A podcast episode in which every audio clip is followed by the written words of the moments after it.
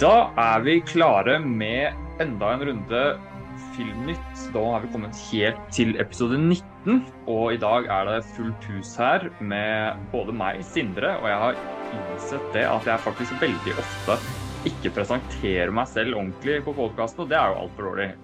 Så det, det, må jeg begynne å få med. Jeg sier alltid navnet deres, ikke alltid jeg sier navnet mitt. Og jeg har med Emanuel her, velkommen. Takk, takk.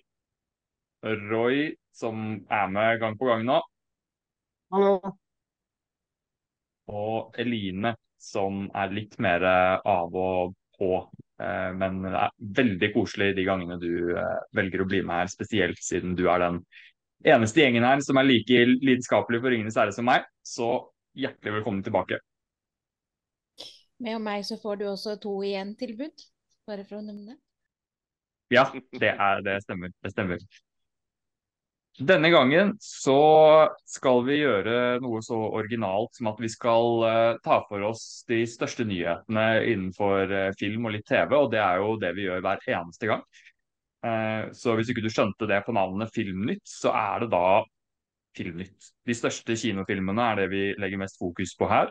Og så snakker vi om de største franchisene både på streaming eh, og på det store lerretet, som Marvel, Star Wars og DC og alt det som er mest populært der ute. Det tar vi for oss. Så hvis du er veldig interessert i noe av det, så er dette stedet å komme til.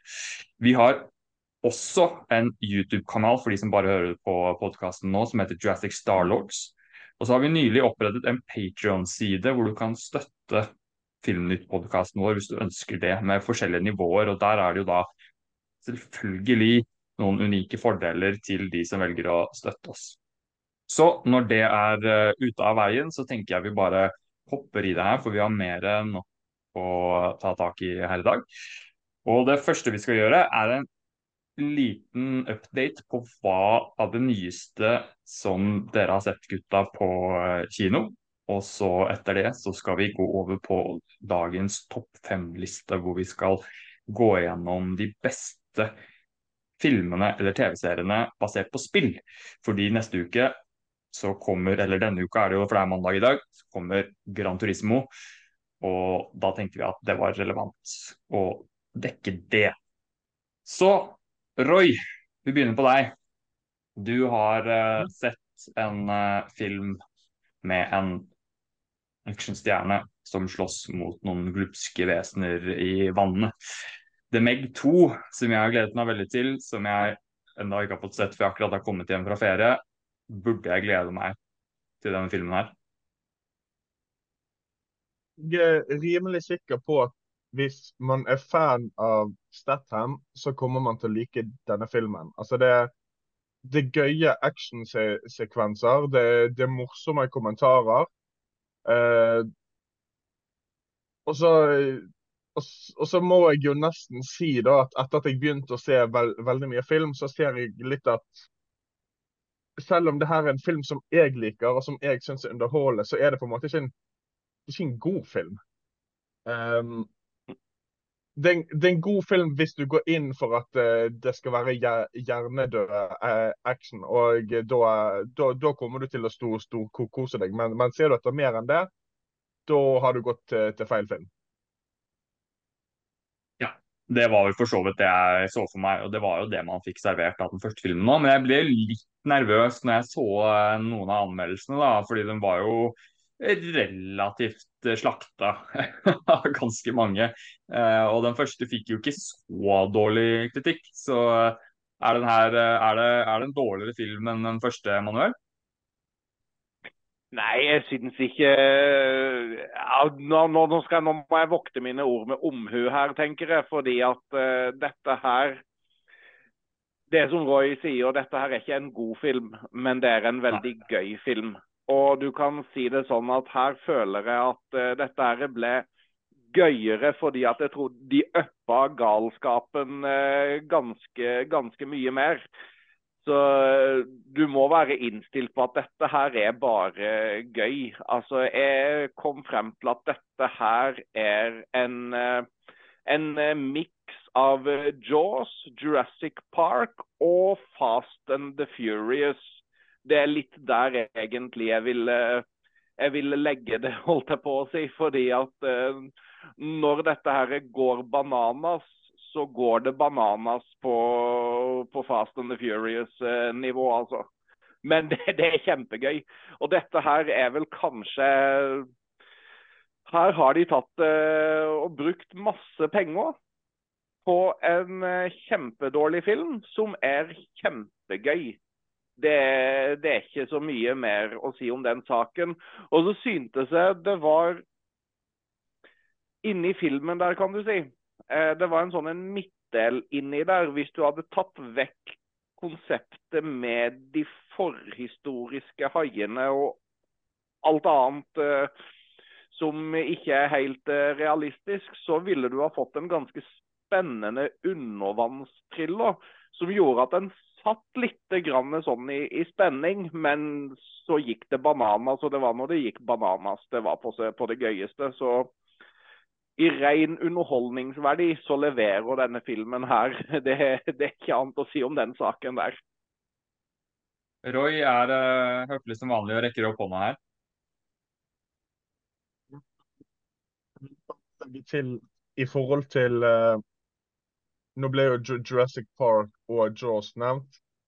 For den un undervannsbiten som Emanuel snakker om, så vil jeg trekke fram at det minnet meg grådig om Poseidon, hvis noen husker den filmen. Jeg tror det er sånn fra 2006. Å nei, uff. Likte lik, lik, ikke du den? Nei. Altså, jeg har sett mye verre katastrofefilmer, altså, men bare, var, den var ikke bra, syns jeg. Men, det, men altså, jeg tror jeg liker det Meg uansett, altså, fordi det, jeg vet jo hva jeg får. Uh, og hvis jeg får mye monster og undervannsgreier og sånn, så det, jeg liker det bedre enn en, uh, en sånn, sånn, type katastrofefilm. Så ja, Roy. Jeg vil også bare legge til, for, for de av dere som ikke har sett filmen ennå, uh, så legg dere merke til karakteren D DJ. For han var utrolig vittig. Okay.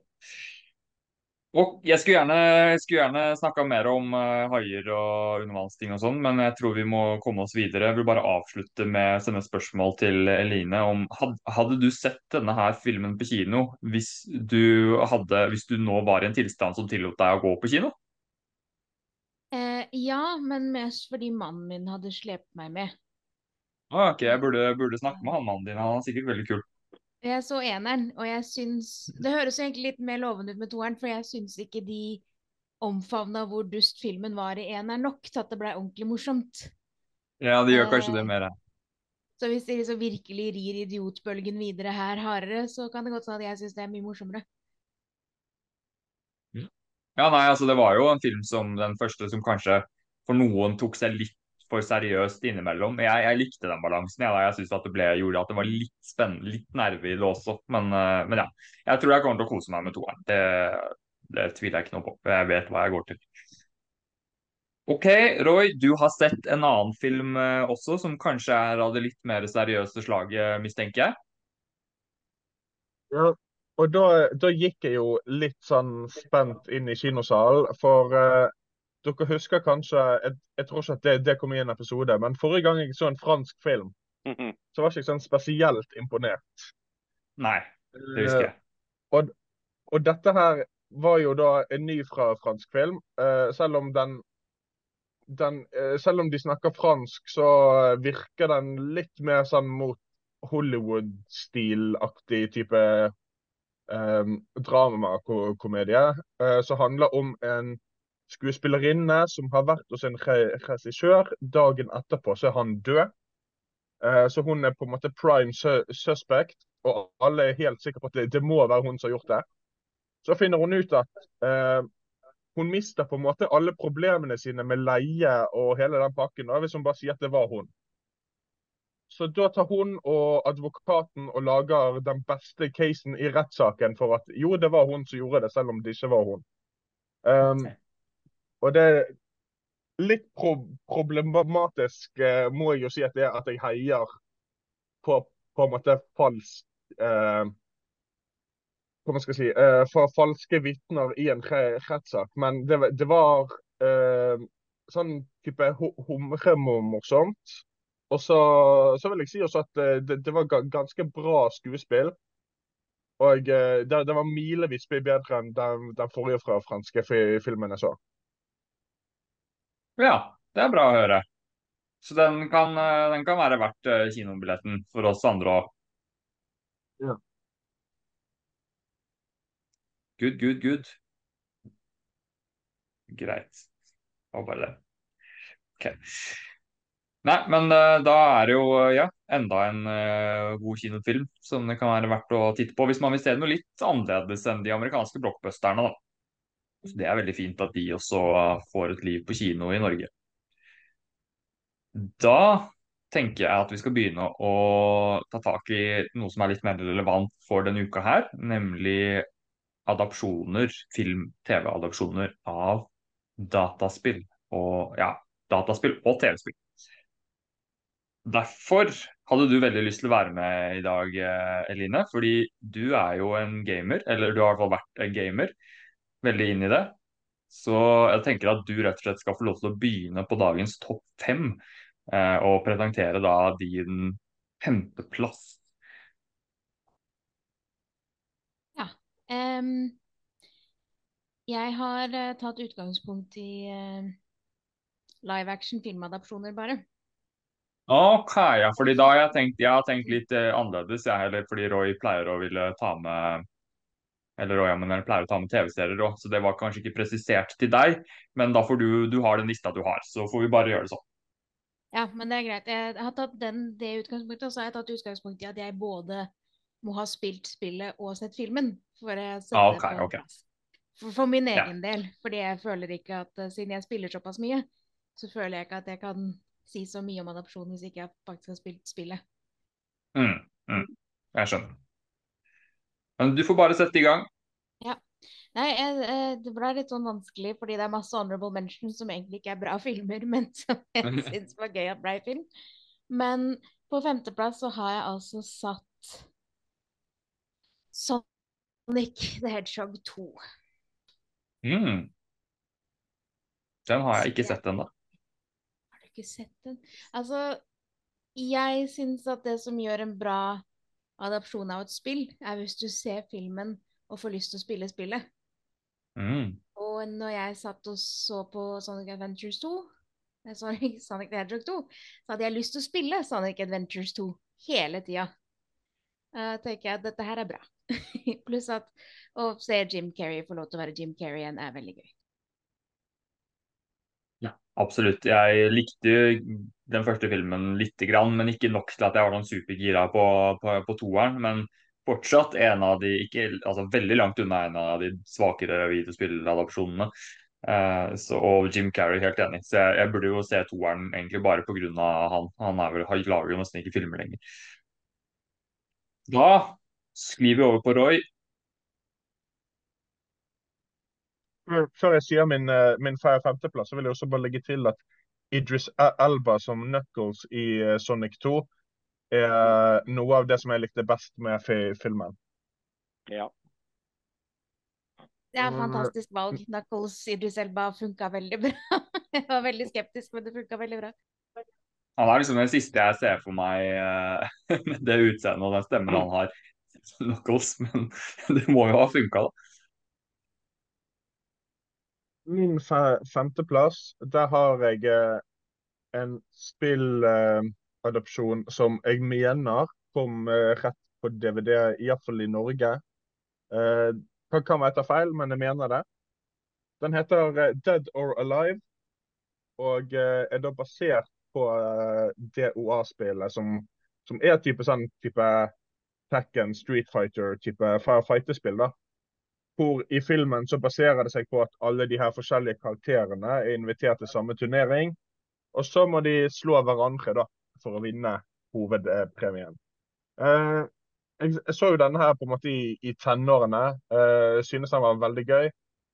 Eh, og så, og så så jeg han vel egentlig også siden eh, Jamie Pre Presley, som er kjent for å spille Kon i eh, My Name Is Earl. Eh, hun var en av, av de kvinnelige fighterne. Eh, så det setter jeg pri, pris på. Um, Ja, den, den, var e, egentlig gøy, men når jeg tenker tilbake på den, så, så tror jeg at jeg ville ha kategorisert den som på en måte midt på treet-type film. Men um, underhold og gøy allikevel. Ja. Den tror jeg at jeg har sett, men jeg ble litt usikker nå. Så den skal jeg ta og sjekke opp uh, en gang til, bare for å friske opp litt. Ja, Emanuel, ja. Pokémon. Eh, Pokémon, ja. Nei, eh, altså Jeg må jo si det at eh, jeg har spilt veldig lite de siste årene. Eh, jeg er nok kanskje en litt annen generasjon enn en dere, fordi at jeg kan jo huske 8-bits Nintendoen, når vi har hatt eh, Commodore 64, vi har hatt den der gamle Atarien og, og litt sånne ting som det der. Og selvfølgelig PlayStation og sånn. Så her har jeg nå egentlig bare basert dette her på, på filmer jeg har likt som er basert på spill. Uh, og da har jeg sløyfa noen av de der 90-talls guilty pleasurene, sånn som Double Dragon og Mortal Kombat-filmene og Street Fighter og det første forsøket på Super Mario. Men uh, jeg har ingen forhold til det spillet som jeg har på femteplass i det hele tatt. Men jeg syntes det var en veldig underholdende eventyrfilm uh, som jeg koste meg med. Så jeg har satt Uncharted på min femteplass. Ja, Uncharted, ja. Det stemmer. Den, uh, den hadde jeg nesten helt glemt, jeg nå. Uh, vet du hva, jeg tror nesten at jeg må endre Jeg tror jeg må ha inn den på, på lista mi. Jeg, for jeg, jeg, jeg, glemte helt Uncharted. Jeg så jo den på kino og syntes den var artig. Så det, det, var bra du hadde den, fordi da, da ok, greit. Da, vet, nå vet jeg hvor jeg skal ha den på lista mi. Veldig bra. Jeg gikk jo gjennom masse forskjellige lister uh, på nettet for å finne ut av det her, men det var ingen som hadde med Uncharted der, så jeg tror det var derfor jeg glemte den. OK. Min nummer uh, fem, det blir da Uncharted. siden, du, siden du nevnte det. Eh, og så tenker jeg da at jeg skal jeg må ha da skyte inn en honorable mention, og det som egentlig eh, skulle være min eh, nummer fem, er en film som jeg tror ganske mange ikke har sett, som jeg virkelig kan anbefale. En film som heter Were Werewolves Within, som er en uh, skrekkomedie som kom i 2021. har noen av dere sett den, egentlig? Nei. Roy, har du sett den? Jeg, jeg så den, det, for det, det, var det året hvor jeg begynte å gå på kino én gang i uken. og Da var det den jeg valgte uh, den uken da den kom på kino. Jeg syns at det var en veldig artig film hvis du var litt innstilt på hva slags type film det var. Uh, noe jeg uh, skjønte fordi jeg hadde lest litt om på, på forhånd.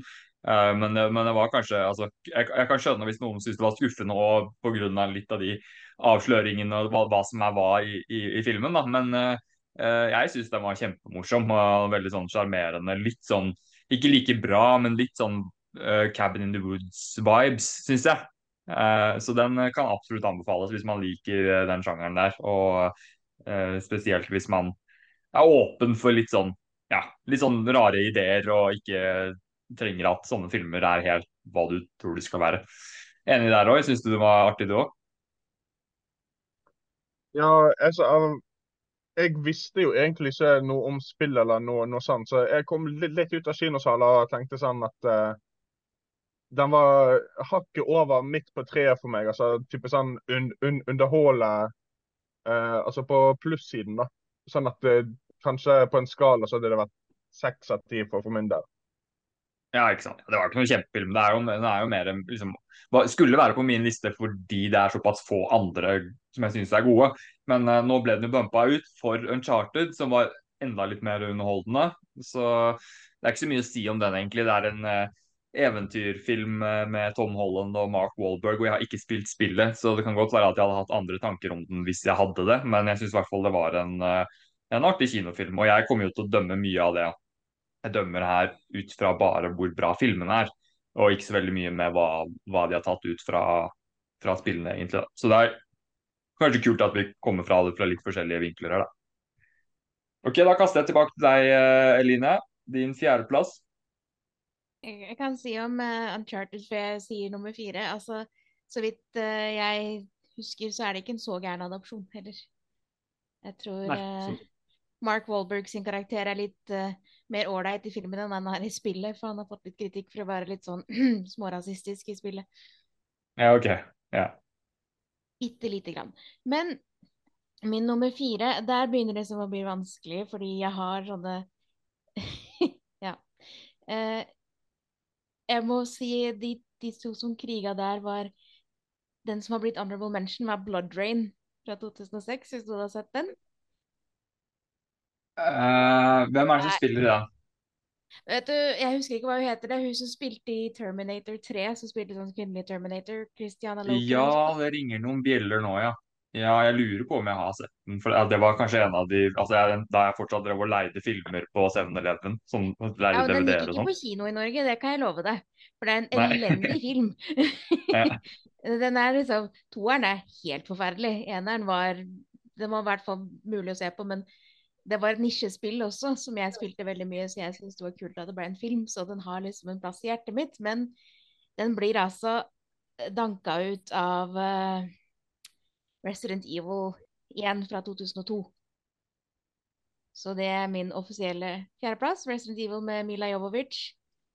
Eh, der hvor de eh, er nede i Umbrella-laboratoriet i den første filmen. der. Mm.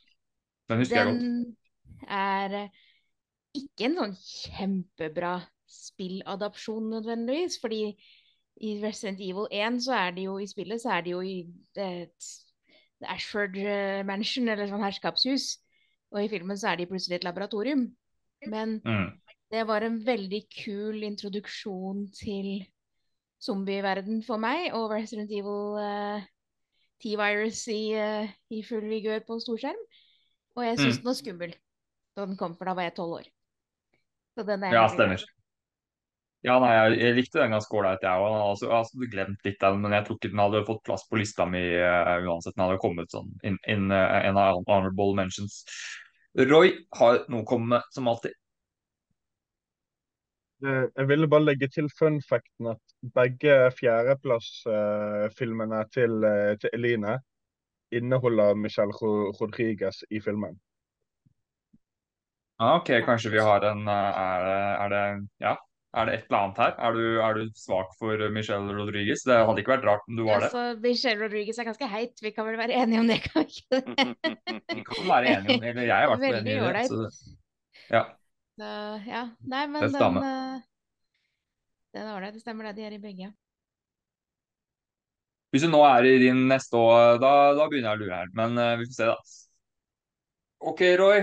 Hva er den fjerde beste spilladopsjonen gjennom tidene? Det er um, en film basert på en spillserie hvor jeg faktisk har spilt alle spillene. Uh, og den har blitt nevnt før. Det er Un Uncharted. Um, og så vil jeg si at jeg, jeg vil tørre å påstå at filmen har tatt på en måte de beste bitene uh, fra spillet, og da kanskje spesielt Un Uncharted 4. Du har enkelte scener i filmen som man på en måte kan tenke er, er nesten litt kopiert fra, fra spillet. da.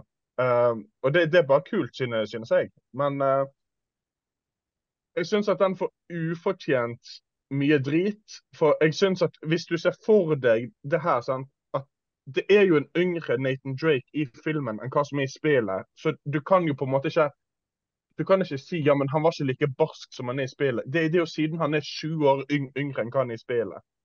Sant? Jeg, jeg, jeg syns at uh, Tom Holland gjør en fantastisk jobb som en ung Nathan Drake. Og jeg var litt redd når jeg så han. Altså, Kommer jeg bare til å se Spiderman nå? Men jeg, kjøpte han så, så Nathan Drake hele filmen igjennom. Eh, jeg kjøpte Valberg som uh, Sully. Eh, og så synes jeg at det var kult at de på en måte ikke hadde bare hoppet rett inn på mysteriet fra Uncharted 1, men at de heller hadde laget et uh, sånn semi-originalt pl plott, da, selv om mye er hentet fra Unch Uncharted 4.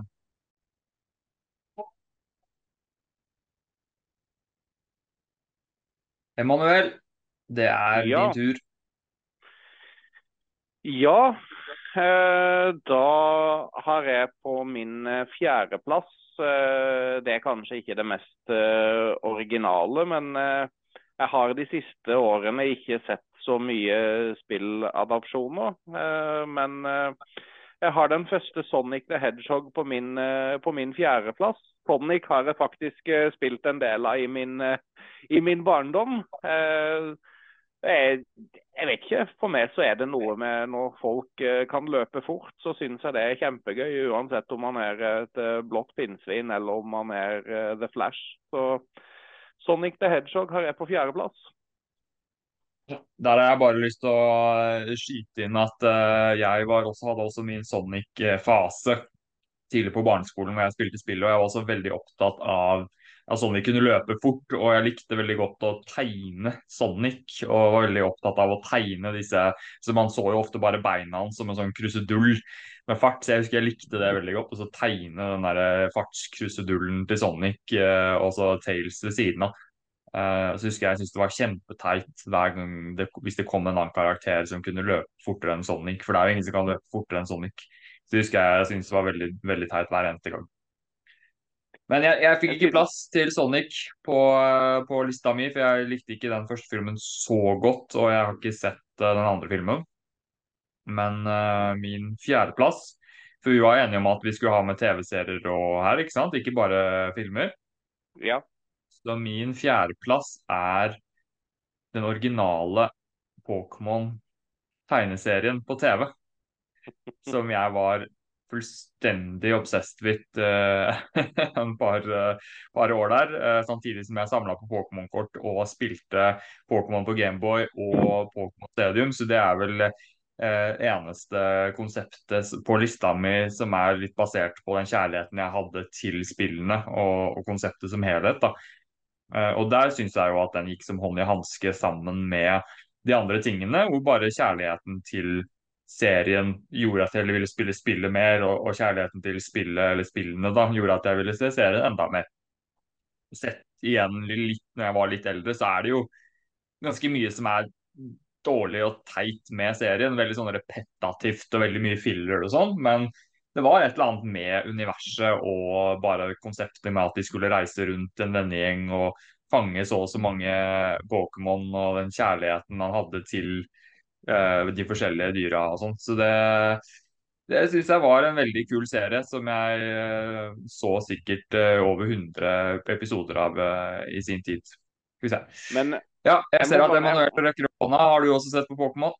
Eh, nei, jeg vil ikke si at jeg har sett så veldig mye på det. Jeg, en, eh, jeg har en lillebror som var eh, veldig, veldig glad i det. Én ting som jeg bare må si. Introlåta, teamsongen til Pokémon-serien, den er jo smashing Og awesome å høre på, selv om man ikke er Pokémon-fan. Tidenes ja. introlåt. Jeg vil sette den fullt på høyde med Ducktail-temaet. Ja, det er litt av en sang bare for å ha sagt det. Pokémon dritbra. ja, jeg vil, jeg vil bare legge, legge, til at uh, jeg Når jeg lagde denne listen, så, så tenkte jeg ikke over Pokémon, men det, det er et ganske bra valg, syns jeg. Altså, den det, det, det, er jo en serie som, som på en måte fanget en hel gen, generasjon. Det, det, er det. Det, jeg, altså, det var jo ingen av vennene mine som ikke hadde sin Pokémon-fase hvor, de hvor det var liksom alt man tenkte på uh, fra man sto opp til man la seg. Og det var jo ganske dramatiske konflikter på skolen etter hvert rundt uh, disse Pokémon-kortene. og sånn. Jeg husker at det var en en fyr som var et år eldre enn meg, som eh, kom løpende inn i klasserommet og skulle eh, ta meg fordi jeg hadde trodd at han hadde stjålet mine kort og tatt det tilbake, og så var det egentlig noen andre som hadde det. det var, det var så mye greier rundt det der. så det var heftig. Så det kan være kanskje greit at ikke det er så mye styr rundt det, selv om uh, fortsatt er ganske populært. Eh, ja, Eline, mer, er det mer Pokémon du vil skyte inn med? Kan jeg bare få lov til å gi en liten shout-out til Digimon også i denne samtalen? For Digimon ja. er så dritgøy. Digimon, Digimon, Hvordan var det? Digital monster, Digimon, Digimon er de beste. beste. Ja. Ja, nei, Det var jo en overgangsfase der hvor jeg begynte å se på Digimon også. Det levde ikke helt opp til Pokémon, men det var litt kult. Jeg bare husker det jeg syntes var litt teit, var at de, de ble liksom aldri ferdig med å bli større og sterkere og flere oppgraderinger og sånn. Og til slutt så var det liksom sånn Ja, så det, det var liksom ikke noe poeng lenger. Pokémon hadde i hvert fall litt sånn begrensninger. Digimon de ble bare større og større for hver episode, og så ja. Det ble litt mye. Men uh, da er vi på deg igjen, Line, Eline. Din tredjeplass. Ja. Uh, der satte jeg først opp Detective Pikachu. Mm. Eh, apropos Pokémon, Detective Pikachu er en dritbra film. Mm. Syns jeg. Eh, Den er ikke dritbra, men den var liksom, jeg koste meg veldig med den filmen. Veldig gøy å se disse Pokémonene løpe rundt i en litt sånn seedy underworld-versjon av Pokémon-verdenen. Men Mm. eh, så falt jeg litt på mitt eget eh, prinsipp med at jeg skulle spilt spillet. Og jeg har ikke spilt Detective Pikachu. Så den. Bytta jeg ut med Sonic the Hedgehog 1. Ah. Jeg syns Ja. Sonic-spillet har jeg spilt masse. Og jeg syns uh, den innsatsen de gjorde, de som lagde den filmen, når de fant ut at folk hata hvordan Sonic så ut Så de faktisk gikk gjennom hele filmen og uh, designa den på nytt. Den skal de ha masse kudos for, og det tror jeg hjalp Ja. dem veldig mye også. Mm, absolutt. Jeg husker det ble mye snakk om det på, de, på den tiden der hvor mye hensyn studioer skal ta til sånne reaksjoner fra fans. Det var jo også debattert mye i forbindelse med, med den eh, Snyder-versjonen av eh, Justice League og sånn. Altså, det er jo mange fordeler med det, men ulempene blir jo at man ofte ser, veldig mange ser at det funker å klage, og så begynner folk å klage på alt. så, så det studioene må jo sile ut litt hva som faktisk er eh, eh, relevant kritikk, og Eh. hva som det er verdt å, å, å ta tak i. Da. Men akkurat det der var sikkert ikke dumt. Fordi jeg husker Nei, også akkurat at der det, så tror jeg det var en universell reaksjon på at han ja. faktisk ser helt jævlig ut. Ja. Det, det kan også da sies at uh, i den, jeg vet ikke om dere så den, men den uh, Chip and Dale-filmen Ja, ja, ja. til Disney, så har du Ugly med Ugly Sonic som en egen karakter. ja, det stemmer. Det stemmer. Det var litt gøy. Mm. Da er vi vel over på deg igjen, Roy. Da eh, må jeg eh, faktisk bare eh, si meg helt enig med Eline og si at Sonic the Hedgehog er på tredjeplassen min nå. Um, og jeg vil, jeg vil tørre å påstå at for meg så var dette her eh, egentlig av flere grunner, da. Uh, jeg syns for det første at det var en kul film. Jeg syns også at det var Jim Carrey sitt store comeback til eh, på en måte den geniale Jim Carrey, hva man skal si, typen som han hadde vært på på, på, på 90-tallet. Og jeg var jo oppvokst med, med filmer som 'Masken' og 'Ace Ventura' og, og 'Liar Liar'. Sant? Så så ser han få komme tilbake igjen til, til de gode røttene der, det, det gjorde my, mye for, for meg. Eh, og så ikke minst uh, og så se den after cre- credit-scenen hvor, hvor da Tales eh, du, dukker opp. Det var liksom bare prikken over i-en. Og så kan, kan jeg samtidig bare nevne, for jeg satt i en kinosal med to gamere bak meg som bestemte seg for å ha et eget kommentarspor under hele filmen på kinoen. Det, det trenger vi ikke å gjøre, folkens. Nei. Nei, det er jeg helt enig i. Det er, du har kinosalen for deg selv, i hvert fall. Eller sitte så langt unna at folk ikke hører deg. Så det er skikk, være, være litt sånn ungkar, litt ordentlig folkeskikk i kinosalen, det er det mange som kan, eh, kan ta og tenke litt over. Altså. Det beste eksempelet eller det, det beste eksempelet på at folk er ille, eh, er eh, når jeg så Infinity War. Og så hadde du den ja, den, den mest sjokkerende scenen i den filmen. Skal jeg ikke si hva det er i tilfelle det er noen som ikke har sett den, men det er jo en scene da hvor det er veldig mye, veldig mange karakterer som uh, dør på en gang. Uh, og da er det jo helt stille i filmen. ikke sant? Det er jo ikke noe musikk, ikke noe lyd, det er bare totalt stillhet. Og da var det en ganske stor guttegjeng med tenåringer som bestemte seg for at de skulle knise og le veldig høyt, samtidig som de drev og sa veldig masse sånn tullete ting til hverandre i den mest dramatiske, mørke scenen i hele filmen. Så det bare ødela jo fullstendig hele stemningen i hele kinosalen. Så vær så snill, folk, ta hensyn til de andre som ser filmene med deg, altså. Det, det er litt viktig når man har betalt og brukt tid på på å gå i, i kinosalen, altså. Ja, Eline? Eh, Jeg er en av eh, de som eh, kan ha problemer med å holde kjeft når jeg ser film på kino, og det er jeg klar Ja. over. Så min regel er, hvis jeg tror at det er en film som ikke jeg klarer å holde kjeft med sidekameratene jeg skal se, så ser vi det ikke på premieren når kinosalen er full, og vi setter Mm. oss så langt unna alle andre som mulig. For det er vanskelig noen ganger hvis man har litt sånn vet ikke, ADHD-tendenser og litt sånne ting å holde kjeft når man blir veldig ivrig. Men ikke plag andre. Men Hviske, tiske.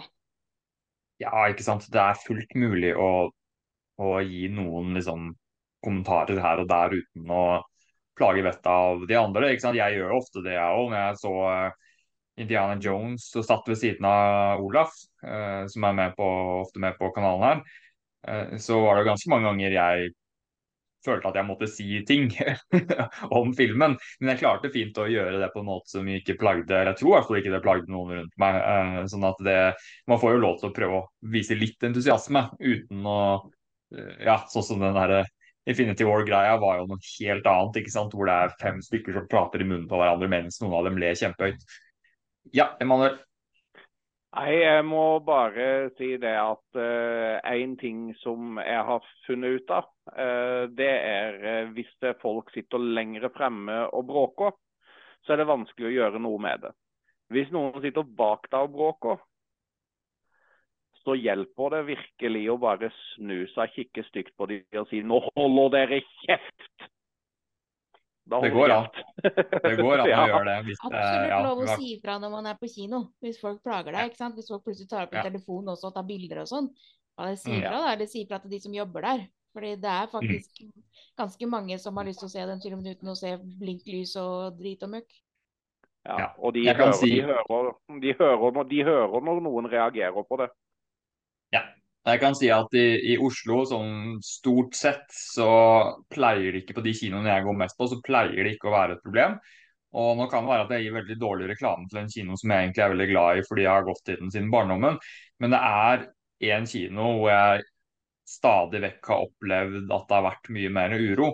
Og det er Saga kino som ligger nede ved Nationaltheatret, og jeg vet ikke hvorfor. Det er, altså, det er jo andre kinoer i nærheten rundt som det ikke er noe problemer med, men jeg lurer på rett og slett om det er et eller annet med beliggenheten, hvor sentralt det er, at de ofte viser mange av blockbusterne. For det er mange yngre, mange ungdomsgjenger som går der og oppfører seg skikkelig dårlig, da, mens de andre kinoene rundt er kanskje litt mer sånn voksenkinoer som viser liksom Oppenheimer og, og sånne filmer, da. Mens eh, f.eks.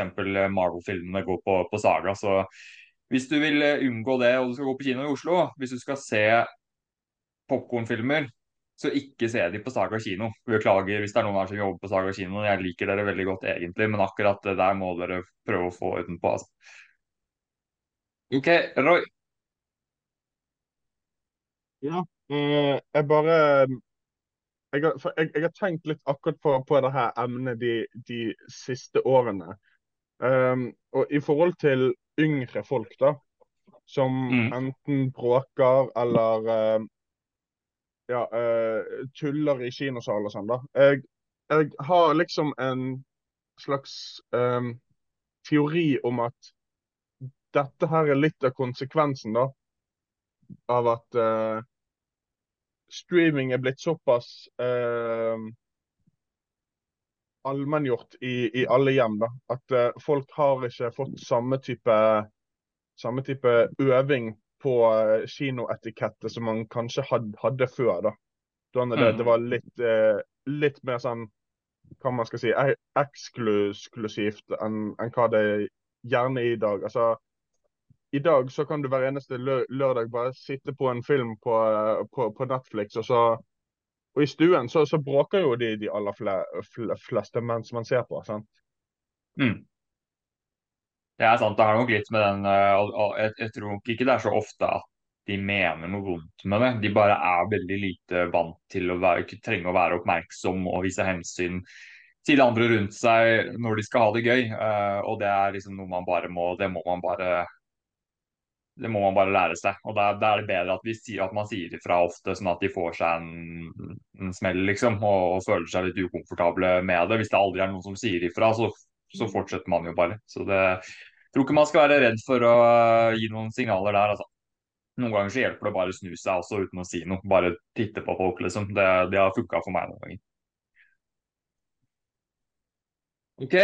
Uh, jo, absolutt. En ting jeg må skyte inn. Bare, bare poppa inn en sånn veldig spesiell opplevelse jeg hadde i en kinosal en gang, som var sånn nesten mer provoserende enn uh, en ungdommer som bråker. Eller det var mer provoserende enn ungdom som bråker, for det her var en voksen, godt voksen mann som var med kjæresten sin. Som satt, de satt i de setene som jeg og, og vennene mine skulle bruke, da. Og det jo, det har jeg gjort før òg, hvis jeg har sett at okay, der er det en bedre plass, det er ingen som sitter der, jeg prøver meg, og så flytter jeg meg hvis, de har, hvis det er noen som har kjøpt billettene. kommer. Og vi kom jo da på, jeg husker ikke, det var en annen film vi hadde gleda oss veldig til på hovedsalen på Colosseum, da, som er en av de beste salene i, i Norge, eh, og hadde veldig gode plasser. Og Så ser vi at det sitter et par der, da, og, og så går vi bort og sier veldig sånn høflig ja, eh, beklager, altså, men jeg tror dere sitter i, i, i plassene våre. Eh, og hun uh, dama i paret der, hun var jo veldig kjapp og bare sånn Å ja, gjør vi det? Beklager, da skal vi flytte oss. Mens mannen, han, han ville ikke flytte seg. Uh, fordi han mente jo at det var jo mange andre plasser som var ledig. Eh, og var liksom, Hvorfor kan ikke dere bare sette dere et annet sted? liksom? Liksom, det her er jo gode plasser, vi har betalt for de. Dere har ikke betalt for de, vi vil ha plassen. Og han bare Nei. Og så måtte da dama begynne å, å klage og kjefte litt på mannen sin for å få han til å flytte seg. Og Det er sånn for meg helt uforståelig hvordan du kan sitte der og bare ha noen andres plasser og tenke at det er greit. Og bare, nei, men Kan ikke dere bare sette dere et annet sted, liksom? Nå har vi satt oss her først. Det, det er ikke sånn det funker. Men ja, nei. det var bare en sånn morsom greie som poppa inn i hodet mitt. OK, da Hvor var vi igjen da? Det var uh, Var det Roy som hadde tatt sin Du hadde tatt Sonic, var det ikke det? Så da er det Manuel. Nå mm. gikk vi på en lang, uh, lang liten uh, rant på noe annet her. Ja, Eh, på min eh, tredjeplass eh, så har så klarte jeg faktisk å få plass til litt DC-animasjon. For i 2021 DC lager jo mange sånne rett på video fullengdes animasjonsfilmer. Og da mm. lagde de en basert på, på, på, et spill faktisk som heter Injustice. Som jeg syntes var en ganske kul, kul greie. Du ser hva som skal til egentlig for at Supermann skal snappe. Da trenger man bare at uh, The Joker lurer han til å drepe en gravid Lois Lane. Det er alt som skal mm. til egentlig for at uh, Supermann skal gå helt fullstendig off the rails. Så det syns jeg var uh, Det syns jeg var en knallgod, knallgod adopsjon. Og det det gir mer mening at Supermann skal drepe i en sånn setting enn eh, hvor det var som skulle til for at han skulle drepe når han gjorde det i Man of Steel. For Supermann er i utgangspunktet ikke en karakter som dreper. Jeg syns det var veldig logisk i Man of Steel, ja, da, men eh, jeg er jo ikke så inne i, inne superhelt eh, og inne i Supermann sånn utenfor filmene som det mange andre er. Så for meg så skjønte jeg ikke helt at det var noe noe problem, men det, det, sånn, sånn, blir det hvis man er vant til at det skal være noe annet. Da. OK, Roy, du holder opp hånda for 13. gang. Skulle bare legge til at jeg har ny, nylig spilt Injustice-spillet. Og hvis, hvis, de som lytter på er PlayStation Plus-medlem, så, så, er det et av spillene som man kan strømme da, fra ka, ka katalogen deres. OK. Good. Good liten info der. Eline? Og bare henge med på å si at jeg spilte Injustice, og historien er faktisk innmari kul. Så hvis man liker uh, DC i verden, så er Injustice verdt å spille gjennom historien på, og så er det verdt å se animasjon. Ja, kult. kult. Jeg har ikke gjort uh, noen av delene, så det skal jeg notere. Greit, da var vi på meg igjen, da. Min nummer tre. Og der skal jeg være så original og nyskapende at jeg har plassert Pokémon Detective Pikachu. Som uh, Eline hadde tenkt å ha på sin tredjeplass, så da får jo vi kompensere med at jeg har den på min tredjeplass. Og jeg er helt enig i det du sa, at det er, det er ikke en kjempegod film, men det er en veldig sjarmerende film hvis man liker Pokémon. Uh, og jeg hadde ikke noe forhold til spillet i det hele tatt. Jeg hadde så vidt hørt om det og hva konseptet var. Syns at uh, Ryan Reynolds uh, er sitt vanlige sjarmerende jeg uh, som detektiv Pikachu, og de menneskelige karakterene funka også ålreit. Og så var det ganske kult univers, rett og slett, som jeg veldig gjerne skulle sett mer av. så jeg tror vel filmen gjorde akkurat ikke gjorde det bra nok til at det kommer mer. men det kan være jeg husker feil nå, at de faktisk jobber på en, en til. er det noen av dere som husker det? Nei. Nei, det er vel såpass lenge siden kom at da tror jeg vi hadde hørt noe mer. Siden den kom vel i hva da, 2019? Var 2018 eller noe sånt. Tror det var 2018. Mm. Men det var i hvert fall en veldig morsom, eh, sjarmerende uh, film som uh, jeg veldig gjerne kunne Jeg kunne gjerne vært en del karakter i det universet, bare for å gå rundt og oppleve det litt. Hvis, hvis de lager en sånn VR-versjon av det en gang, så kommer jeg garantert til å ville prøve det. Ok, Da er vi tilbake på deg igjen, Line. Din nummer to. Ja, nå begynner det å bli sånn eh, helsefarlig nesten, fordi eh, min to og min andreplass og førsteplass har vært sånne point of contention blant mine venner som liker å spille spill og sånn. Ja. Eh, så jeg vil bare nevne at jeg har sterkt vurdert både Silent Hill-filmen fra 2006 og Warcraft fra 2016. For det, har, det er så Mm. god atmosfære i begge deler. Men de klarte liksom ikke helt å leve opp til spillene sine. Så Nei. de er ikke på lista, men jeg vurderte dem, så vær så snill ikke korsfest meg for mitt valg nummer to. Det er da Tomb Raider fra 2018 med hun eh, ah, Hva heter det? Eh, nå står det stille. Elisha Vikander. Ja, Alicia Vikander, ja. Jeg Mm. er kjempefan av eh, remaken av Tomb Raider-spillene. Jeg syns Mm. de er veldig, veldig kule. Og jeg syns Tomb Raider 2018 var en veldig kul adopsjon av det første i den nye serien med Tomb Raider-spillene. Selv om Mm. de tok litt sånne rare valg vekk fra historien i spillet, som egentlig gjorde historien litt dårligere, syns jeg, den er i spillet, så koste jeg meg veldig med den filmen, og dro hjem fra kino og spilte spillet igjen. Nei, jeg syns egentlig den var ganske ålreit selv uh, også. Bedre enn uh, uh, Selv om jeg var yngre, da. Så jeg, jeg hadde mindre kvalitetsbevissthet når de gamle Tomb Raider-filmene kom. Eh, men hvis jeg måler opp mot hverandre nå, så syns jeg helt klart at den er bedre enn de med Angelina Jolie, selv om eh, det var mange ting med de som jeg også syns var underholdende. Så, og det var jo norsk regissør også, eh, Roar, eh, Roar Uthaug, som, eh, som fikk prøve seg på den. Så jeg syns han absolutt gjorde en eh, ålreit jobb. Det er mange sekvenser der som jeg syns var veldig stilige. Og syns også det var en relasjon mellom hun og Det var vel henne og faren som det var eh, handlet litt om, var det ikke det? Eller, eller husker jeg feil nå? Jo, det pleier å være hun og faren i Tomb Raider. Ja, ikke sant? Ja. Ja, det, Det, det er jo en av de merkelige valgene, da, ikke sant? at faren i denne versjonen er eh, Spoiler alert hvis noen er veldig nervøse for det, men at faren faktisk lever i denne versjonen og blir Ja. en del av handlinga. Mens i Ja. Tomb Raider vanligvis er det jo sånn Hun driver hele tida prøver opp å leve, til, leve opp til hans minne, på en måte. Men stemmer. eh, det vil jeg si også at Alicia Vikander hun gjorde en helt vill jobb med å trene seg opp og gjøre egne stunt, og hun var jo den maskinen der ute. Så var, det var kult å se på, altså. Ja, det var ganske troverdig at hun, eh, at hun kunne gjøre de tingene hun kunne gjøre, faktisk. Og det, hun ser jo ikke egentlig sånn ut i det hele tatt, så det var imponerende. Da var vi tilbake på eh, Roy. Selv om han ikke rekker opp hånda.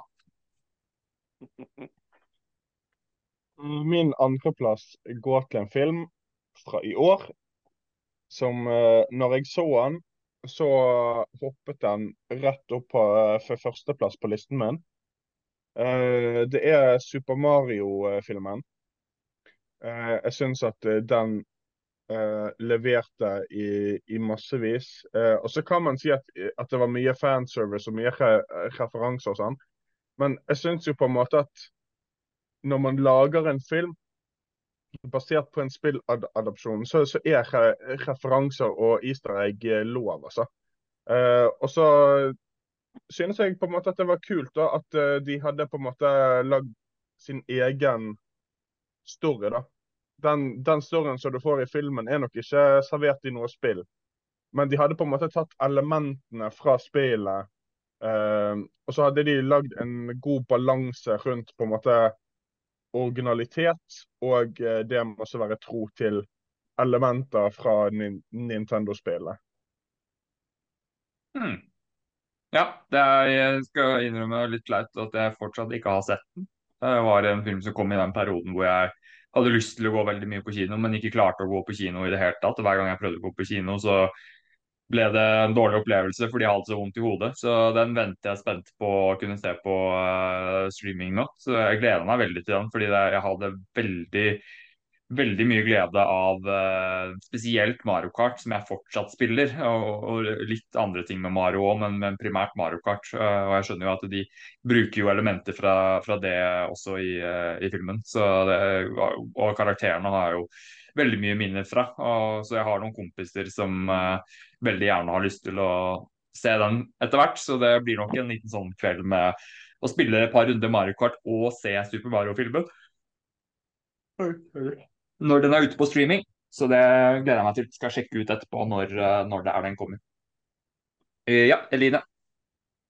Du kan faktisk kjøpe den på Viaplay fra i dag. Jeg så det akkurat. for jeg har heller ikke sett den. Fra i dag? Ja, ja. Oi, oi, oi! Jeg så det akkurat, for jeg har selvfølgelig heller ikke sett den. Og jeg er også Mario-blodfan til den grad at jeg har rigga klar switchen med Super Mario 64, Sunshine og Galaxy til jeg skal være på sjukehuset nå. Oi, ja, da lurer jeg på om ikke jeg må ta og sende en melding til uh, i hvert fall en av bestekompisene mine etterpå. Som, han som er liksom min sånn Mario, uh, Mario Kart-partner. Uh, som i hvert fall må komme og se den. Så da kan det spørs om ikke vi tar en sånn kveld i løpet av uka her. Men det altså. var til å kjøpe, da. Ikke til å streame. Gratis. Ja, OK, men det, det, får så være. Hvis man spleiser, så går vel det kanskje greit. ja, den ligger på sånn 150 som regel, så det er jo ikke sånn Og Apropos det, noe som er helt sjukt. Jeg så en film Hvilken film var det? Det var en ganske ny film eh, som hadde kommet som du kunne ikke kjøpe den, men du kunne leie den for 179 kroner. Det er liksom en ny greie nå, da. Det er bare sånn Hva i alle dager? De fleste filmer kan du leie for 40-50-60 kroner, eller kjøpe for 150. Og så er det plutselig nå blitt at de nyeste premierene kan du bare kjøpe for 100 70 kroner. Det, det, kan være, det kan jo ikke være noe de kan fortsette med. Nei, nei, nei. Om det var. Da er det jo bedre å bare gjøre som meg og kjøpe de på Blu-ray i stedet, tenker jeg. Nei, det, det, blir, det blir, litt i overkant, altså. Det, jo, det var, det var, Jeg tror det var The Flash. The Flash var det. Som du ja. bare kunne den har, Hvis du har HBO, så har du den vel gratis, kanskje. Men uh, på, eh, på Viaplay eller andre steder, så kunne du bare kjøpe den for, nei, leie den for 170 kroner. Akkurat med Flash det. må de vel få skvist ut så mye de penger de kan ut av pga. Ezra Miller nå, tror du ikke det? Kanskje det var det, og så gjorde de såpass dårlig på kino, så de tenkte bare ok, vi gjør et desperat forsøk her på å se om folk er villige til å betale overpris for, for å se den hjemme. Vi har mistet av fansene våre uansett, så da kan vi så prøve å skvise ut det vi kan fra resten. ja. Mm. Nei, vi får, man, altså når det er så, nå er det så mye man kan se enten nesten gratis eller billig, at det å betale nesten 200 kroner for å kunne se en film én gang hjemme, det, der går grensa for meg. Altså. Selv om jeg ofte er litt sånn når jeg først vil se noe, så slenger jeg ofte ut det jeg trenger for å kunne se det der og da istedenfor å vente. Men akkurat der tror jeg jeg må sette ned, sette ned foten, altså. OK, hvor var vi igjen da? Vi var på Emanuel sin nummer to. Ja, da må jeg si det at eh, jeg har eh, gjort det Der skiller jeg meg ut fra, fra Roy og Eline, fordi at jeg foretrakk eh, Sonic the Hedgehog 2 eh, et hakk eller to over den første Sonic-filmen. Jeg syntes det var Jeg følte at de ga mer der, holdt jeg på å si, av det, av det som funka i første filmen. Og jeg synes det gjorde seg med å få både Tails og Knuckles med, og igjen, eh, som tidligere nevnt, Idris Elba som Knuckles.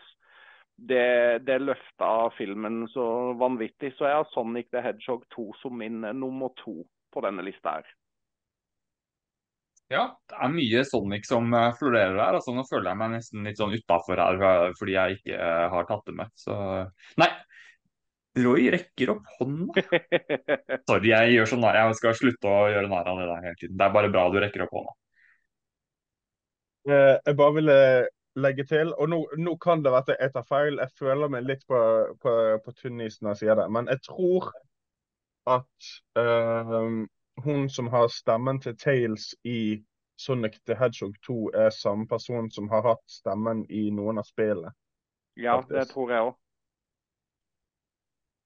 Ja, og det er jo alltid bra når de, hvis de klarer å få sånne overganger. Det trekker i hvert fall mye folk eh, som liker spillene med. Eh, veldig, man får jo veldig fort sånn plusspoeng for å gjøre sånne ting. Eh, ja, Eline? Det glemte jeg at jeg hadde lyst til å nevne for lenge lenge siden når vi snakka om Uncharted, men han stemmeskuespilleren til Drake dukker jo også opp der i Uncharted-filmen.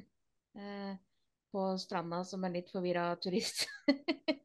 det er også veldig gøy. Det er kjempegøy med sånne nikt eh, da. Ja. Nå drev jeg bare også gikk gjennom de bare sånn Jeg driver og følger med på av og til på, på filmnyheter her mens Fordi det er så kult hvis det er noe som dropper mens vi er i innspilling. Jeg skulle en gang jeg og Olaf holdt på, så var det Eh, et eller annet sånn, Hva var det? Jeg må glemme hva det var. Men det var i hvert fall en sånn veldig kul nyhet som droppa mens vi satt og spilte inn, og det syns jeg alltid er veldig gøy. Så nå gikk jeg inn her og håpet liksom, ok, er det et eller annet veldig kult nytt som har kommet nå? Noe Star Wars eller Marvel eller et eller annet? Og så ser jeg liksom da at overskriften og hovedsaken her er at uh, Sharknado har eh, tiårsjubileum. Eh, så det var vist, jeg tror det er et bra tegn på at det ikke er sånn veldig mye sånn stort nytt akkurat nå. Så jeg tror jeg bare legger fra meg den telefonen nå, og så kan vi fortsette. Eh, Roy rekker opp hånda igjen. Ja, jeg, eh, jeg, bare ville uh, supplementere på det Eline sier i forhold til, uh, til stemmeskuespilleren til Nathan Drake som dukker opp i Uncharted. For han sier da til, til Tom Holland Det ser ut som du har blitt kastet ut av et fly. Og så svarer Tom Holland ja, det var akkurat det, det som skjedde. Og så svarer han ja, jeg har Binder. been there. Uh, som er, er, er, liksom en veldig sånn kul nod, for det er jo akkurat det som skjer i etterspillet med, med han når han er stemmeskuespiller. Det stemmer, det. er veldig gøy. ja, da skal jeg komme med min nummer to. Uh, og det var et valg som jeg var litt sånn frem og tilbake på om jeg skulle tillate meg selv å ta med eller ikke. Uh, fordi jeg har ikke sett mer enn halvparten Uh, og det er The Last of Us. Men de episodene jeg så, var jo såpass bra, og jeg føler jo at konkurransen er jo ikke så fryktelig sterk, så det hadde føltes veldig rart å ikke ta den med. Jeg kan, kunne vel nesten tatt den med bare på bakgrunn av én episode, hvis jeg liksom tok, tok, en av de, bl.a. episode tre, som dessverre skapte litt kontroverser, selv om den aldri burde ha gjort det. hvis dere husker hvilken, hvilken det var. Men det var i hvert fall eh, en serie som jeg skal innrømme at jeg rett og slett det syns jeg, jeg var liksom mentalt ute av det den, den, perioden. Og jeg trengte å se på ting med veldig mye mer humør. Og The Last of Us var veldig, veldig bra, men jeg ble ikke akkurat bedre humør av å se på det. Så jeg bestemte meg rett og slett bare for å vente til jeg var litt mer skikka til å virkelig nyte det, istedenfor å sitte der og bli enda litt mer smådeppa enn en det jeg allerede var, da. Men utrolig bra skrevet og spilt, eh, nei, og, ja, skuespill og regi og alt i den. Men jeg har ikke spilt spillet, da. Men det virker jo som at det var noe som slo an veldig for majoriteten av de som har uh, elsket spillene, i tillegg til de som bare vil se en god serie, da. Så jeg mistenker jo kanskje at det er noen andre som har den uh, på slutten her. Ellers så blir jeg ganske overraska. OK, da er det på tide å kåre tidenes beste spilladopsjon, Eline. Og for deg som har spilt så mye spill, hvilket, hvilken film er det som har uh, på best måte klart å gjenskape de styrkene og det du har likt med spillet? Hjelp, dette føles ut som en pressa situasjon. det er det. Det er viktig å få det riktig her. Eh, forresten, jeg sjekka eh, hun eh, stemmeskuespilleren til Tales i filmen. Hun har vært Tales i spill Sonic siden 2014. Så det var ikke hun som hadde det da jeg var liten, for jeg kjente ikke igjen stemmen. Men hun hadde masse stemmer i Digimon, morsomt nok. Det. Ja. Her får vi sånn full circle-øyeblikk. Vi er tilbake på Digimon. Nei, men uh, min nummer én er uh, en film som allerede har blitt dissa litt, dessverre. Ikke av meg. uh, den er min nummer én fordi jeg syns de gjorde en fantastisk flott jobb med å finne riktig hoved, hovedskuespiller. Og jeg koste meg veldig med filmen da den kom. Og jeg koser meg med den når jeg ser den ennå. Og det er rett og slett Tomb Raider fra 2001 med Angelina Jolie. Ja. Nei, jeg syns ikke det er en dårlig film, altså. Jeg gjør ikke det, selv om jeg dissa den litt i stad. Minus trekantpuppene, som var Angelina, som var Tomb Raiders store varemerke i begynnelsen, selvfølgelig. Hun hadde mm. jo veldig spesielt utseende.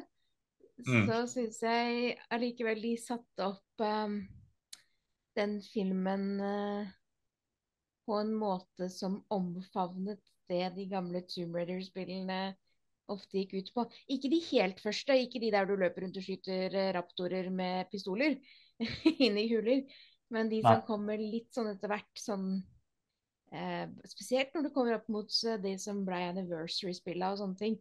Det er mm. veldig mm. sånn der OK, her har de virkelig eh, her har de mm. virkelig tenkt å finne riktig skuespiller. Cradle of Life ikke særlig bra, men den første er veldig bra, syns jeg. Ja. Nei, Jeg så jo den noen ganger når den kom, og jeg syns jo filmen var uh, underholdende. Men uh, jeg ble nok kanskje litt blenda av hvor, uh, hvor, godt jeg likte utseendet til Angelina Jolie, og det var kanskje litt distraherende altså, noen ganger. Altså, hvem ble ikke det? Nei da, men det, ja, jeg syns det nye var bedre når jeg ser det nå. men, men, absolutt en film som jeg koste meg med som jeg sa når den kom. Så det, det er, ikke noe, eh, det er ikke noe negativt at du har med den, altså. Absolutt ikke. Det er altså sånn film, sånn eh, film eh, Hva skal man si Film totalsum, sånn ranking IMDb-stil, så er jo Tomb Raider 2018 antakeligvis en bedre film. Mm. Men spilladapsjon Elleve år gamle Line som løper rundt og syns det er skummelt med raptorer i huler, og så setter seg mm. ned og ser Angelina Jolie da er det liksom sånn den, den, bor mye nærmere hjertet mitt, da.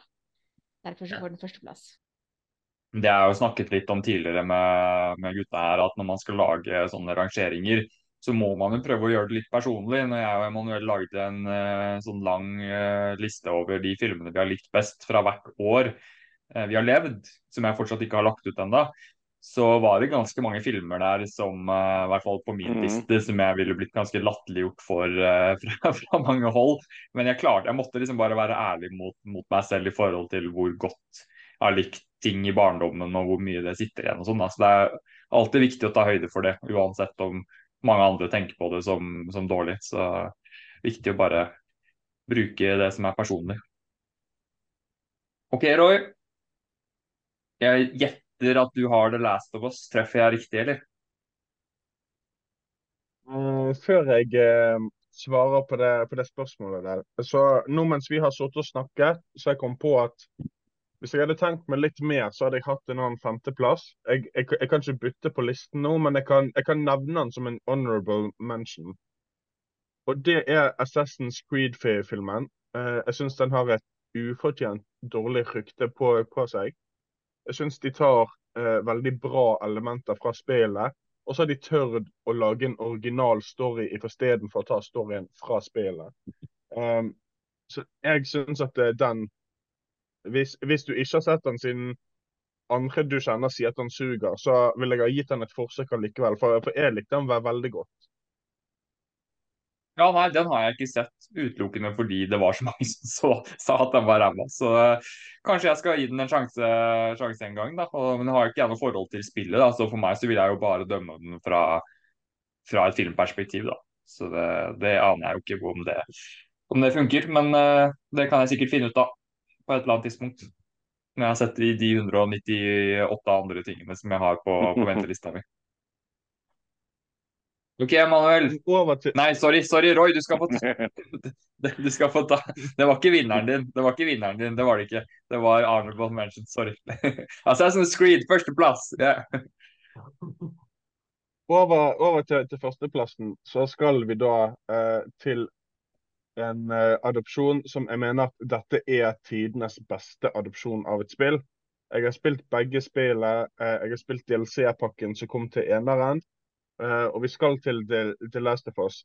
Og det den serien klarer å gjøre, er, er for meg helt utrolig.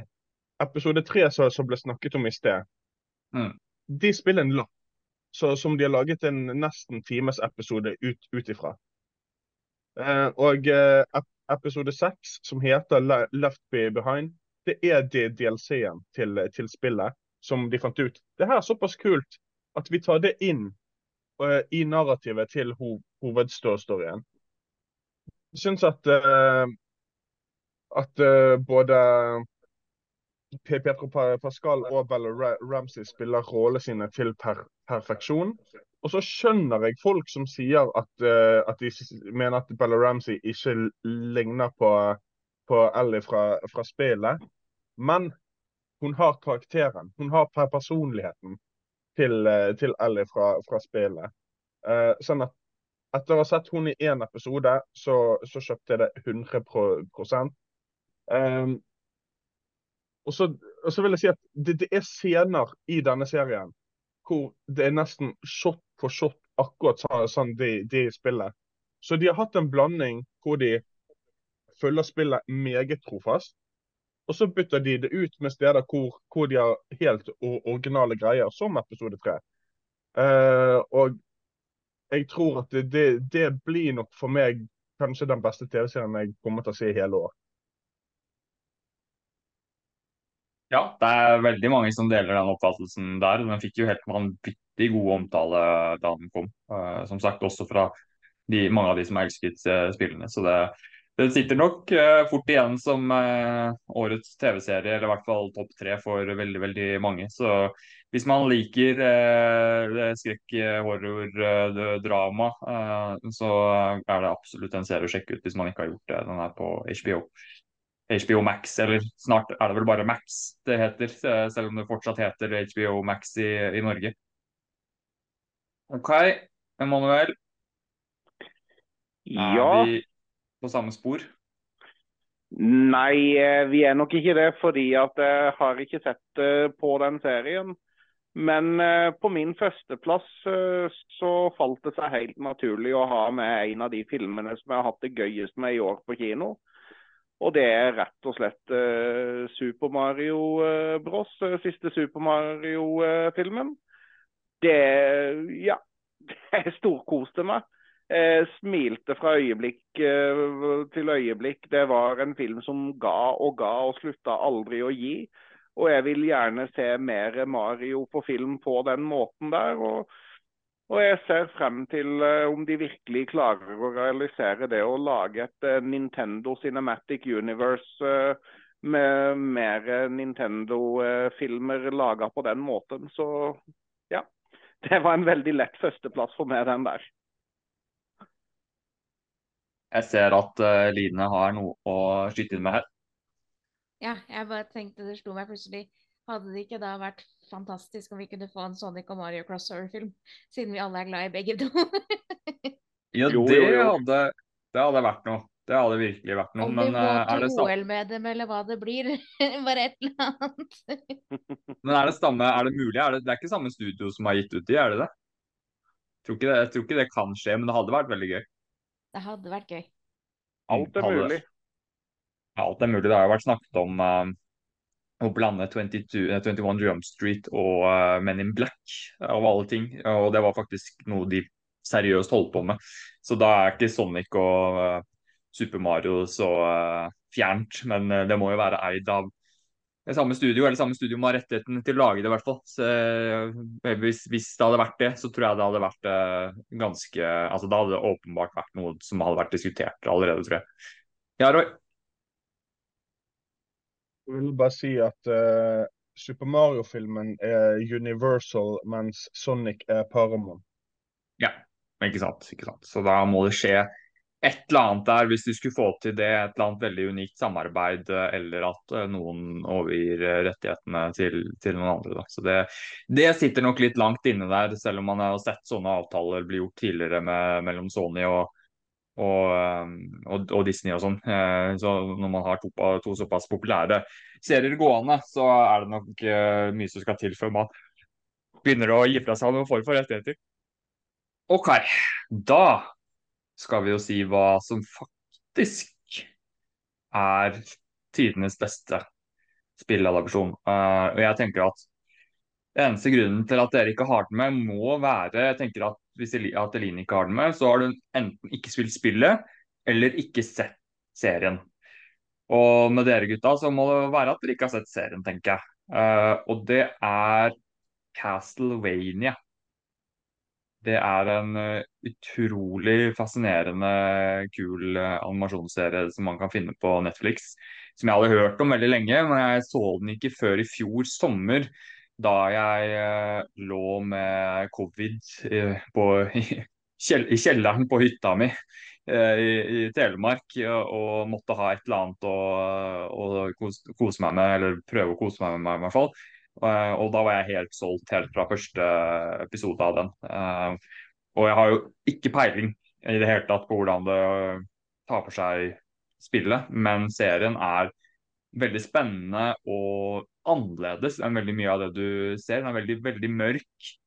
Eh, altså det er ekstremt blodig til å være en, en tegneserie, så det er jo tegneserie for voksne, helt åpenbart. Eh, litt sånne elementer av, uh, hvis man har sett denne DND-serien Åh, hva er det det heter igjen, da?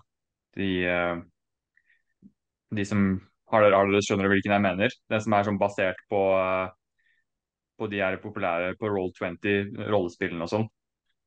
Vet dere ikke eller, Eh, Ja, det- men det- eh, Hva heter det? Den som er på Prime? Ja, Den er fall- jeg husker ikke hva den heter. nei, nå blanka jeg på den selv. Men i hvert fall, er, Castlevania er tegneserie for voksne, de som liker litt gore og vold og veldig mye historier rundt vampyrer og en del andre overnaturlige ting. Og eh, historien tar vendinger som du ikke ser for deg i det hele tatt. og Det er liksom, det er så lite forutsigbart, og det er så levende. Eh, og er, når du kommer litt lenger ut i det, så er det kanskje partier som er litt treige, men det er treigt av en grunn. eh, og det bygger alltid opp til noe veldig episk og, og klimaktisk eh, i slutten av eh, hver sesong. Da. Så hvis dere ikke har prøvd å se Castlevania, så gjør dere selv en tjeneste og sjekke ut det. Altså, fordi det, det er så bra. I hvert fall for den sjangeren så er det helt fantastisk. Eline? The Legend of Vox-makene. Legend of Vox-makene, ja. Det er litt Ja. samme viben, bare ikke like mye humor. Uh, det er litt, litt mørkere humor uh, enn uh, en Vox-makina, men det er liksom litt for det samme publikummet, tror jeg. da. Eh, viste den til det var en kompis av meg som hadde fått meg til å se på Vox-makina. Uh, hvor jeg elska den, og så gjorde han den tjenesten tilbake at jeg anbefalte han Castlevania, og han syntes jo den var enda bedre. Så den Ja. Det er bare bare se den. Bare, bare test første episode. og Hvis man ikke liker første episode, så kan du droppe det. Men jeg tror det er en god sjanse for at i hvert fall dere tre, hvis ikke dere har sett det, vil synes det er ganske kult. Ja, Eline? Um, bare hive inn en sånn annen favoritt som minner om Castlevania, fordi jeg kan Liker du Castlevania-animeen, så liker du sikkert Helsing-animeen. Den er altså dritkul. Anbefales veldig. Har du sett, har, har du sett Castlevania, noe av Castlevania, da? Ja, jeg har sett noe av det. Du har det? ja? Så bra. Men du syns ikke det var så kult at du ville ha det med på lista? Eller du tenkte Så- bare filmer, du, kanskje? Ja, jeg tenkte bare filmer, for jeg fikk filmadapsjon som eh, keyword fra deg. Å ja, OK, det er min skyld, det her. Sorry, altså. Alt er din skyld som vanlig, så uh... Som regel så er det det. Men i hvert fall når man er inne på den podkasten her, så er det som går bra min skyld, og det som går dårlig er også min skyld. Men uh, hadde du. Jeg liker lista mi. Ja, det er bra. Men hadde den, kunne den potensielt vært med hvis du visste at vi kunne ta med serier også?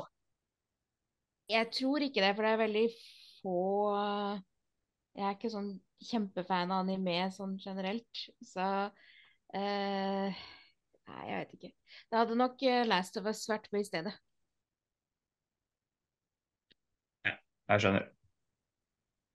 Men OK, jeg er veldig sånn sorry, sorry at jeg gjør det her, eh, Anna. Jeg bare er sånn der eh, hvis jeg, hvis jeg tror jeg har rett, så er jeg alltid da, da føler jeg alltid at jeg må sjekke om jeg har rett. Mm. Og jeg skrev til deg vi skal snakke om spilladapsjoner, så jeg presiserte aldri om det var filmer eller Mhm. TV-serier.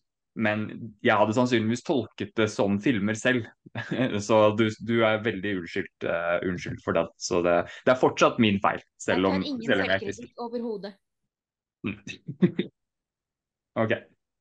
Uh, da skal vi videre Nei, Roy rekker opp hånda igjen, så vi skal ikke videre helt ennå. Jeg ville bare sky skyte inn her at uh, det er ingen som har Witcher på, på, på listen sin. Jeg vet ikke hva, hva det, det betyr, men uh, det, det er iallfall et faktum. Oi, shit. Massivt Det er sant. Ja, fytti grisen. Vet du hva, det er jo Men, men altså, Witcher er jo bøker også, er det ikke det? da? Jeg, jeg tenkte ikke på Witcher som spilladopsjon, jeg. Men, men det er jo Ja, det er åpenbart spill. Ja, det er egentlig bøker, og så er det blitt spill, og så er det blitt uh, Og så er det blitt serie. Så er det, teller det som en spilladopsjon da? Nei. For er det Nei, jeg vet ikke om det er liksom bøkene eller spillene de liksom Fordi i så fall så kunne man Det er veldig mange ting som har vært spill også, i tillegg til Men grunnmaterialet burde nesten ha vært spill, tenker jeg, for å virkelig at det skal, skal gjelde. Sånn at vi kan, vi kan unnskylde det med det. Men hvis Witcher telte, så hadde jeg hatt den med på, på lista mi. Eh, selv om jeg ikke har sett sesong tre ennå. Så liker jeg den bedre enn i hvert fall et par av de jeg hadde på, på bunnen her. OK, er vi klare for å eh, kjøre videre? Vi skal kåre vinner, skal vi ikke det? Det skal vi selvfølgelig. Vi skal jo alltid kåre en vinner. Det skal vi. Vi kan ikke droppe det. Eh, sånn at eh, vi må, vi må stemme på hverandre her for å finne ut av hvem som skal bestemme tema for neste topp fem-liste. Eh, og så I tillegg til det, da, apropos sånne konkurranser og, og kåringer og sånn. eh, Roy vant jo konkurransen sist. Eh, og jeg vet ikke om du har klart å høre gjennom det. Vi hadde, eh, jeg skrev jo litt om hvor nivået lå her på denne Ringenes herre-konkurransen vår. Men Oi, eh, oi, oi. jeg måtte jo da bruke, selv om det var bare første, altså det var førstemann til å, til å få en riktig mens den andre fikk galt, så måtte jeg jo bruke, altså jeg tenkte at vi skulle bruke ti minutter eh, maks, ja, og så satt vi i 45 minutter eller noe sånt med, med nye spørsmål, fordi de klarte jo aldri å svare riktig på, noen ting, og til slutt så senkte jeg vanskelighetsgraden så mye at de svarte riktig på alt, så det, var, det ble fryktelig vanskelig det der. Eh, men til slutt så vant Emanuel. Det var sånn det var. Emanuel vant overraskende nok, eh, selv om jeg trodde at vi skulle, skulle stikke av med seieren. Eh, sånn at han skulle egentlig da få velge tema for en spesialepisode om Ringenes herre. Eh, og så spe spesifikt filmene, da. Eh, så jeg vet ikke om du har rukket å tenke over det enda, om du har kommet fram til det. Hvis ikke så skal du få mer tid, altså. Jeg bare tenkte å skyte inn med det. Jeg glemte det igjen. Ja, jeg, jeg tror jeg må ha litt mer Jeg tror jeg må ha litt mer tid på meg her til det, altså. Ok, da skal du få det. Men da tar vi og kårer en vinner på listene vi har her nå. Så jeg begynner da denne gangen, tenker jeg. Og skal vi se, jeg bare prøve å Eller vi tar, vi tar en gjennomgang kjapt først for å minne hverandre på. ok? Min, uh, min topp uh, fem var jo uh, da Nå må jeg bare finne fram notatene mine igjen her. Skal vi se. Min topp fem var da Uncharted, Detektiv Nei, Pokémon-serien, Detektiv Pikachu, The Last of Us og Castlevania. Eh, Emanuel, din topp fem var Min topp fem eh, var uh, Uncharted, Sonic the Hedgehog nummer én, Injustice, Sonic the Hedgehog 2 og Super Mario. Roy.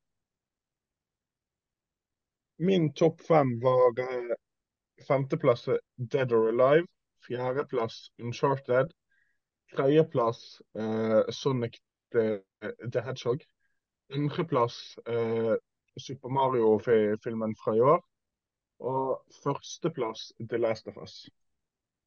Mm. Og Eline. Eh, ja. Min var Sonic the Hedgehog 2 på femte.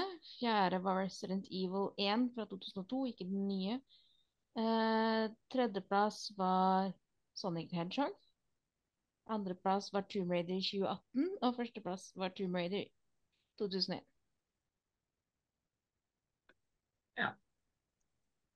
Jeg lurer rett og slett på Altså, jeg har et lite problem med den der Super Mario-filmen, fordi den vet jeg nesten helt sikkert at jeg kommer til å like, men jeg har ikke sett den.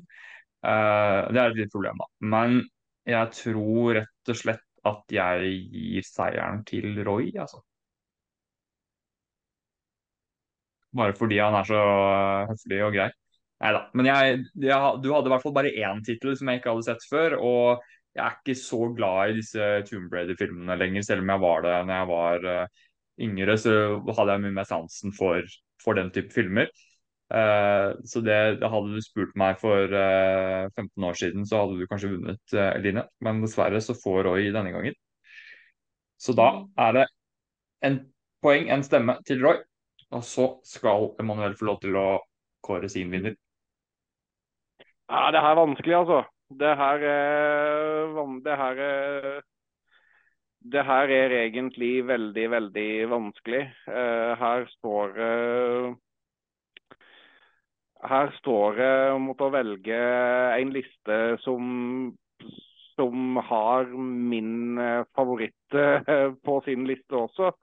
Og så står det om en liste som jeg føler kanskje er litt uh, grundig og forseggjort, med to, to, favoritter og en glemt favoritt. Så jeg tror at jeg gir den til Eline denne gangen her, fordi at den Tomb Raider-filmen med Angelina Jolie, den hadde jeg helt glemt. og så ja, var det to Sonic-filmer der. Og så har jeg nylig kjøpt inn alle Resident Evil-filmene i 4K og ser frem til å se de. Så da følte jeg kanskje at den lista samla sett eh, traff meg best i dag. Så jeg gir den til Eline. Veldig fortjent, selv om Roy sin liste er enda litt bedre. OK. Roy, nå må du nesten stemme på meg, da, siden nå har jeg vært sagt så mye snilt om deg. Ja, uh... du har mobba han gjennom hele sendinga før du begynte å bli snill, da? Nei, nei, nei. nei. Det, det, var, det, det, var, det, var, det er fortiden. Bare husk hvor Paradise Hotel-vitsene kommer fra, Roy. Det, det som, som, er kleint, sant? Eh, det som er kleint, er da når noen forsøker å smiske seg til poeng, og så har du allerede bestemt deg for lenge siden at du vil gi din stemme til Emanuel. Eh, så det, det, er liksom Emanuel som får Men det, det siden av de listene jeg, jeg, skrev de opp ved, ved, siden av meg, og av de listene så tror jeg det er Emanuel sin liste som eh, mest samsvarer med min smak, da. Mm. Ja. ja. Det er rettferdig, det, altså. Selv om uh, det blir siste gangen jeg sier noe snilt om deg, så er det, var det bra. OK, da har eh, Manuel fått en stemme, Roy fått en stemme og Eline fått en stemme. Så da er det jo opp til deg da, Eline. Om, uh, har du lyst til å være med på, på flere podkaster her, eller har du lyst til at dette skal være siste gangen?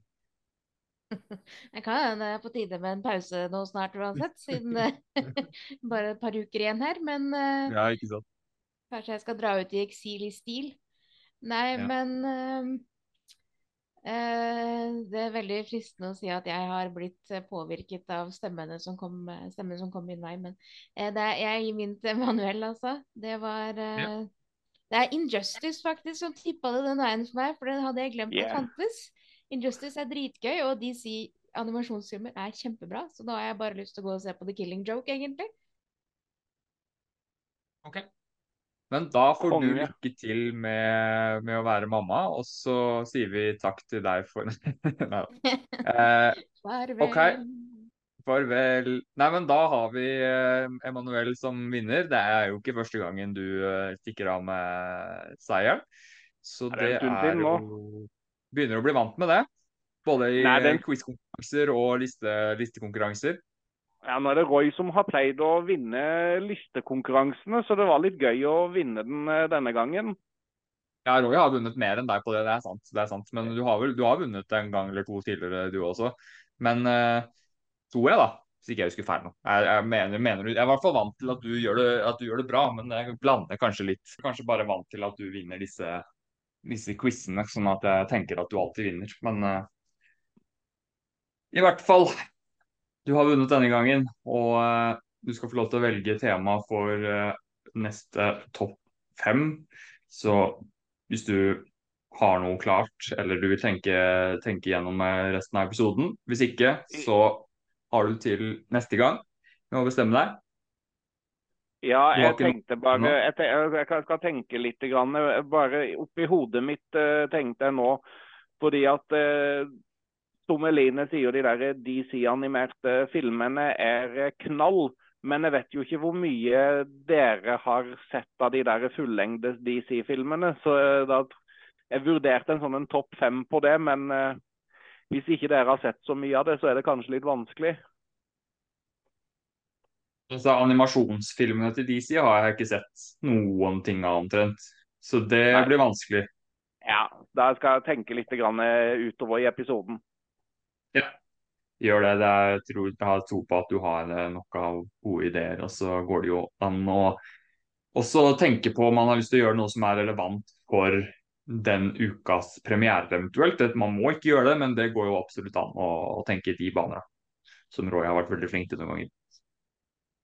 Ok, da har jeg et lite skjema for et par temaer til. Jeg vet ikke om Eline har eh, slitt seg ut nå og har lyst til å ta kvelden, eller om hun skal holde ut og henge med oss litt til. Nei, jeg tror det er på tide å legge seg på sofaen med beina opp, igjen nå, altså. Ja, men da har du, nå har du gjort jobben din eh, grundig her og sørget for at eh, Manuel eh, kan legge seg eh, stolt eh, og sove godt eh, i natt. Så eh, takk for det. Han eh, trengte den der. Han trengte den seieren der. Nå har Roy eh, vunnet litt for mye på de listene her. Så eh, vel fortjent, og du får ha en god hvil på sofaen. Og så håper jeg at vi har med deg igjen veldig snart. Og ikke, ikke hør på den der Ringenes herre-konkurransen vår før du skal legge deg, for da klarer du ikke å sove. Nei. Nei. Jeg tror den må spares til kanskje til jeg skal få babyen, sånn at jeg allerede har vondt. Ja. Kan være greit, for da er ikke det så vondt i forhold, forhold tror jeg. Fordi ja, Kanskje blir så sur at det går mye fortere. ja kanskje det. Kanskje det. OK, vi snakkes. Vi snakkes. Du får hvile godt. OK, gutta. Da var det bare oss. Da, det, da kan vi slenge, slenge føttene på bordet og slå oss løs her.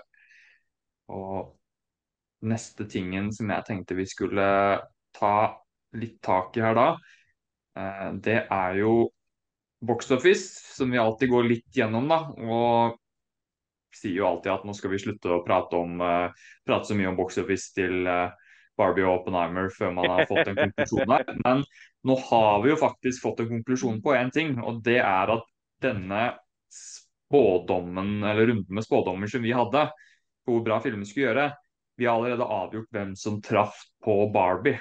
Eh, fordi jeg kalte jo deg nærmest spik spennende gæren som tenkte at eh, som sa at Barbie skulle krysse en milliard.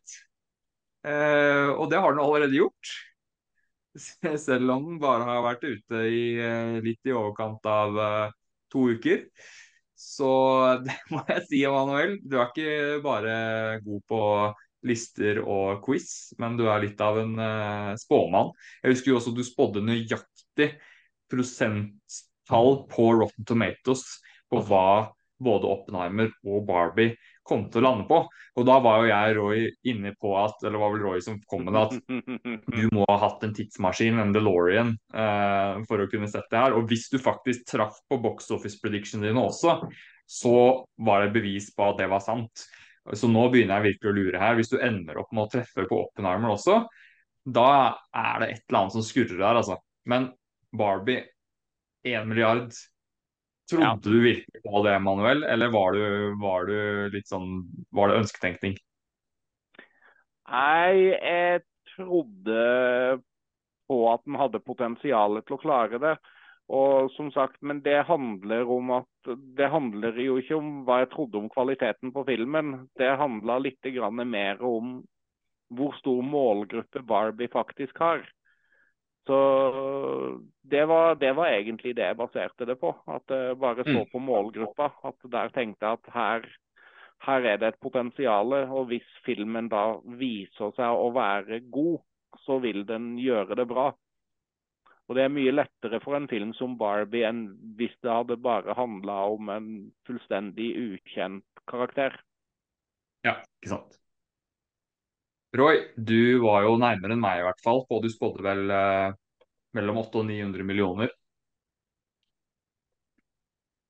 Um, jeg bare, jeg vil, vil, vil, legge til, for eh, selv om jeg, jeg nå har tatt på, på Barbie, eh, så vil jeg si at du, Sindre, og Olaf ligger ganske tynt an hvis dere tenker at uh, Oppenheimer uh, skal ha legs utover uh, høsten. For den ligger allerede på 550. Mm.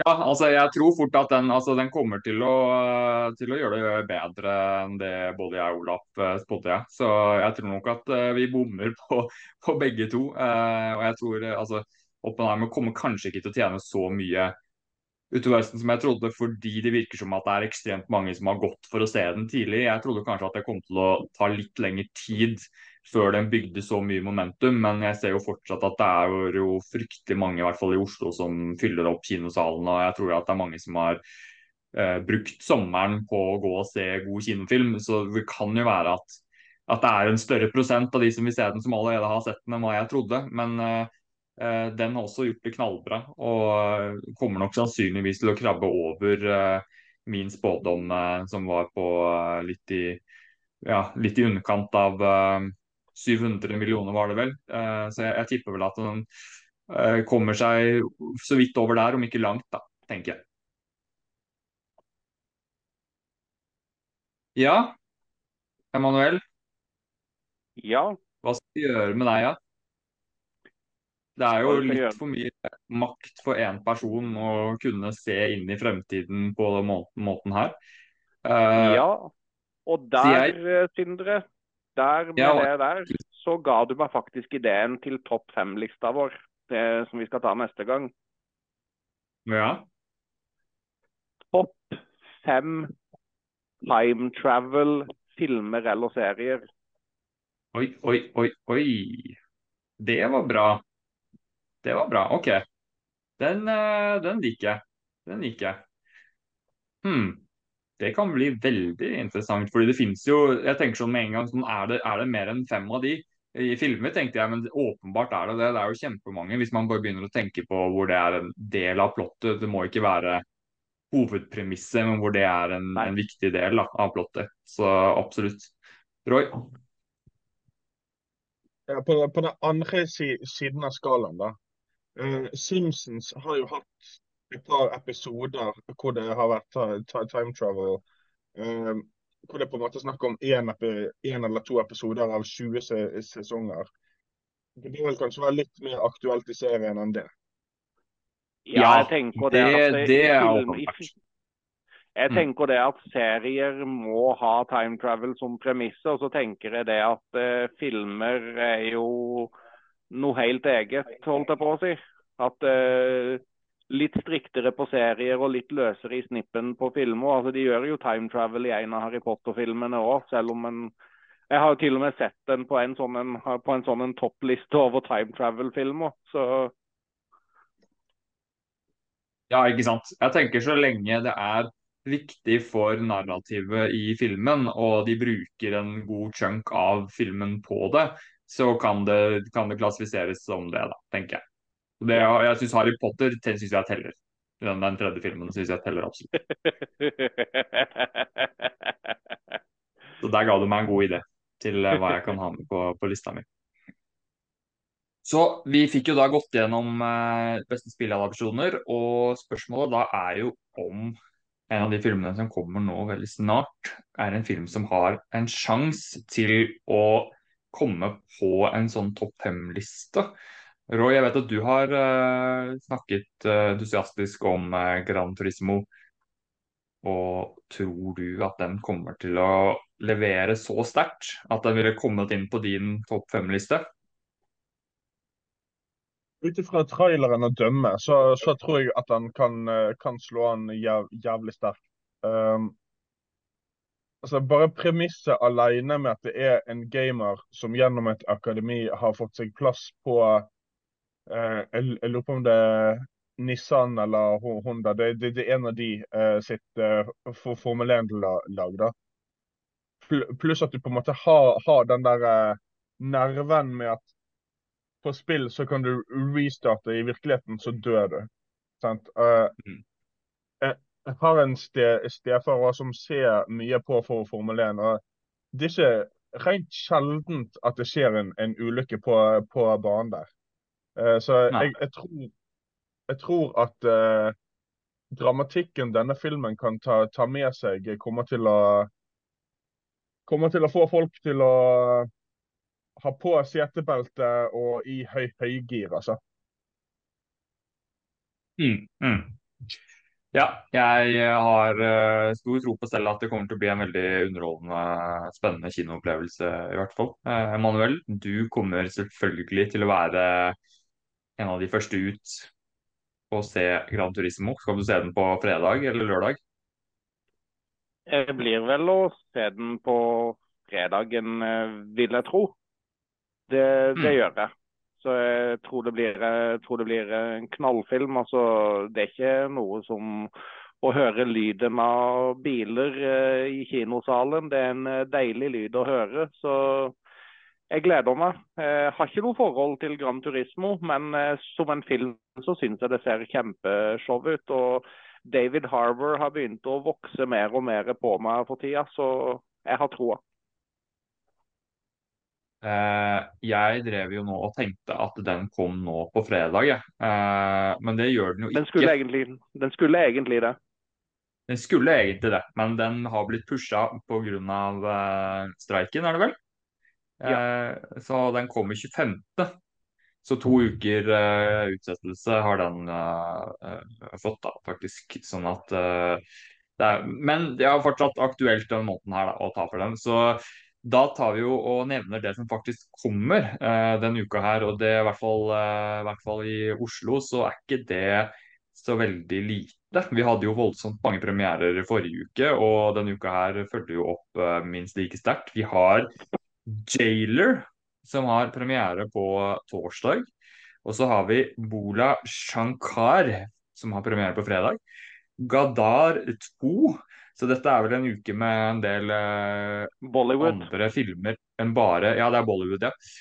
Også Great Days, Haunted Mansion og Mot alle odds. Eh, så dere har jo vært hyped til en viss grad, i hvert fall, på Haunted Mansion, men eh, ble skuffa kanskje da dere så eh, at reviewsa ikke var de aller, aller beste. Men eh, er det filmen som prioriteres eh, først ut for dere på, på fredagen, eller er det en av de andre? Roy, du kan få starte. del, ja. Hvilken film sa, sa du nå? Haunted Mansion. Um, for meg, så av de filmene som kommer nå Jeg, jeg har jo billett til, Grand Gran Turismo på, på fredagen som jeg kjøpte før han ble utsatt. Og appen har ikke fjernet den billetten, for å si det sånn, så jeg regner med at den skjer.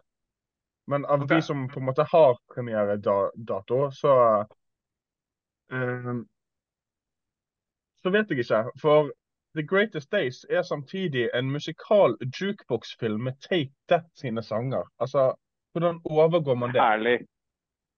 Det er herlig. Men eh, Emanuel, hva, hva blir prioritert for deg? Nei, altså det, det er faktisk eh, litt uh, vanskelig, altså. Fordi at uh, Jeg tenker det at uh, i år så har jeg jo vært I år så har jeg jo vært back for good på kinoene. Og everything changes but you, sier, sies det. Og jeg forandrer meg jo aldri. og jeg tenker det at uh, Dette var da ordspill på Take That-sanger, bare så det er sagt. Så Greatest Days uh, står ganske høyt oppe på, på, på lista mi. Men samtidig så er det, det er noe sjarm med de der Disney-filmene som baserer seg på attraksjoner i Disney-parkene. Så jeg tror det fort blir Haunted Mansion jeg prioriterer. Men jeg vil få sett Greatest Days også. Og så er det et bitte, bitte lite vindu for å kunne få det, det er én en eneste mulighet for å se Jailer, og den har jeg troa på kan være bra. Men den eh, går bare én dag her nede på Sørlandet, og det er på søndagen. Hmm. Okay. Så det er vanskelig å velge, men det blir fort eh, Haunted Mansion som blir førsteprioriteten. Men eh, Greatest Days vil jeg òg prøve å få sett. Jeg tror jeg må ta og stikke en tur opp til Bergen og så snike meg inn på den visningen av uh, Gran Turismo. Jeg, før nå var jeg så innstilt på at eh, den skulle kunne være tilgjengelig nå til helgen. Så jeg tror det blir løsningen for meg. Så kan jeg, jeg kan stjele den billetten til Roy, eventuelt. Men, eh, nei, nei, men jeg, eh, jeg tror vel, hvis jeg skal være eh, så ærlig som mulig her, så tror jeg ikke at Haunted Mansion er eh, noe jeg kommer til å prøve å se på kino. Jeg har ikke noe forhold til konseptet, jeg har ikke noe forhold til den første filmen de prøvde å lage med Eddie Murphy, som var ganske ja, definisjonen av en forglemmelig film i mine øyne.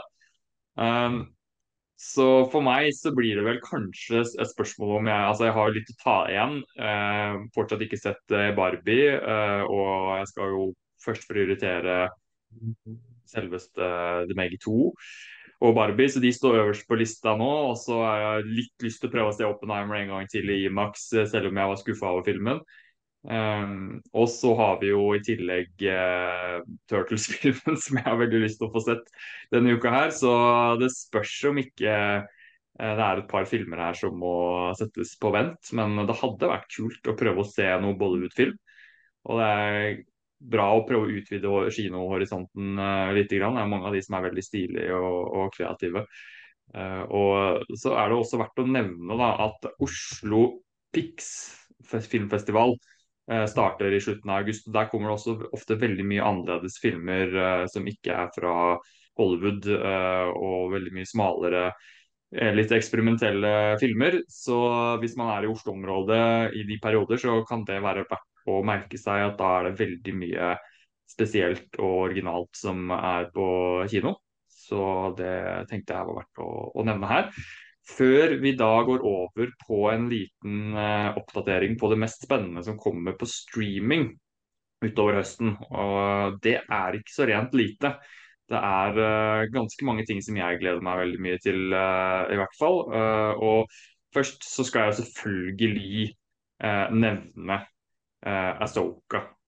Serien uh, som kommer på Disney Pluss. Jeg nevnte den tidligere, så jeg skal ikke si så mye om den. Men det er en Star Wars-serie som er delvis basert på uh, den tegneserien som gikk med Rebels. Men jeg tror også den skal være veldig accessible for de som ikke har noe kjennskap til det. Og den bygger også ganske mye på eh, selveste Mandalorian-universet. En del ting man har sett der, og skal connecte inn mot det.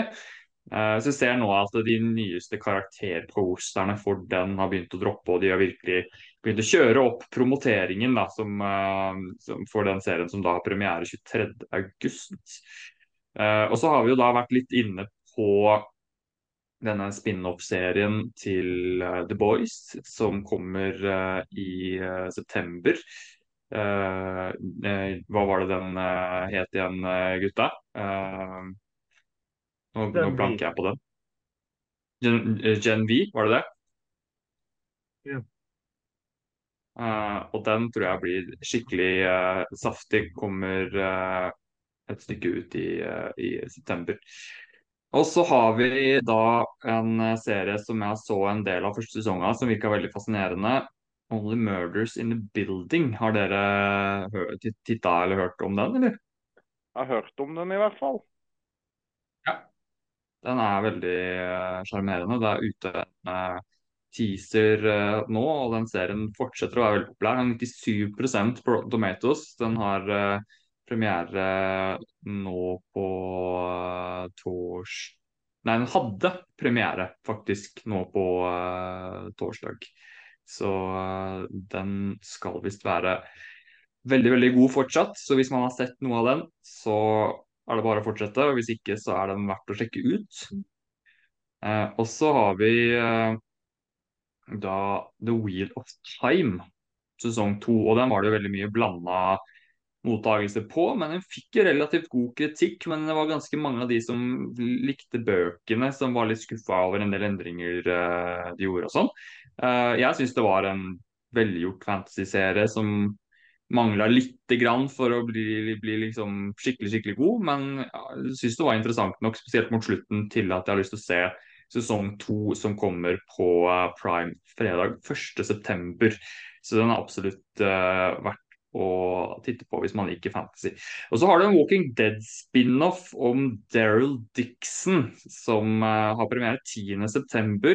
Den er på AMC i USA, så jeg vet ikke helt hvilken streamingplattform enda den kommer på i eh, Norge. Men eh, de pleier jo å komme ut her relativt fort, så hvis man har likt Walking Dead, så er det bare å holde øynene åpne. Uh, Gen V, som vi nevnte, den for å være litt mer presis, så har den premiere fredag 29.9.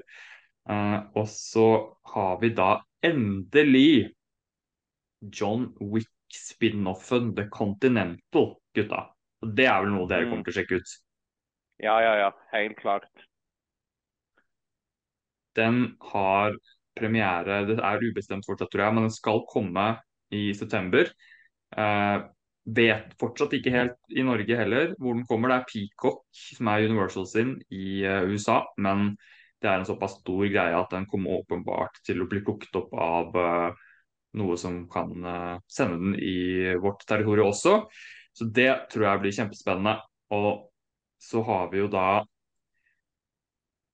i oktober Loki sesong to. Og det er vel Ja. kanskje den av de seriene jeg har nevnt til nå som jeg gleder meg aller, aller mest til. Og Emanuel, hvor hyped er du på Loke sesong to? Du er ganske uh, hyped der, altså. Uh, traileren uh, ser veldig lovende ut. Eh, det ser eh, det ser cinematic ut og ikke så veldig seriete ut, og det, det liker jeg. Og så syntes jeg det var artig at de har fått med åh. Nei, jeg synes det ser, synes det ser veldig, veldig lovende ut.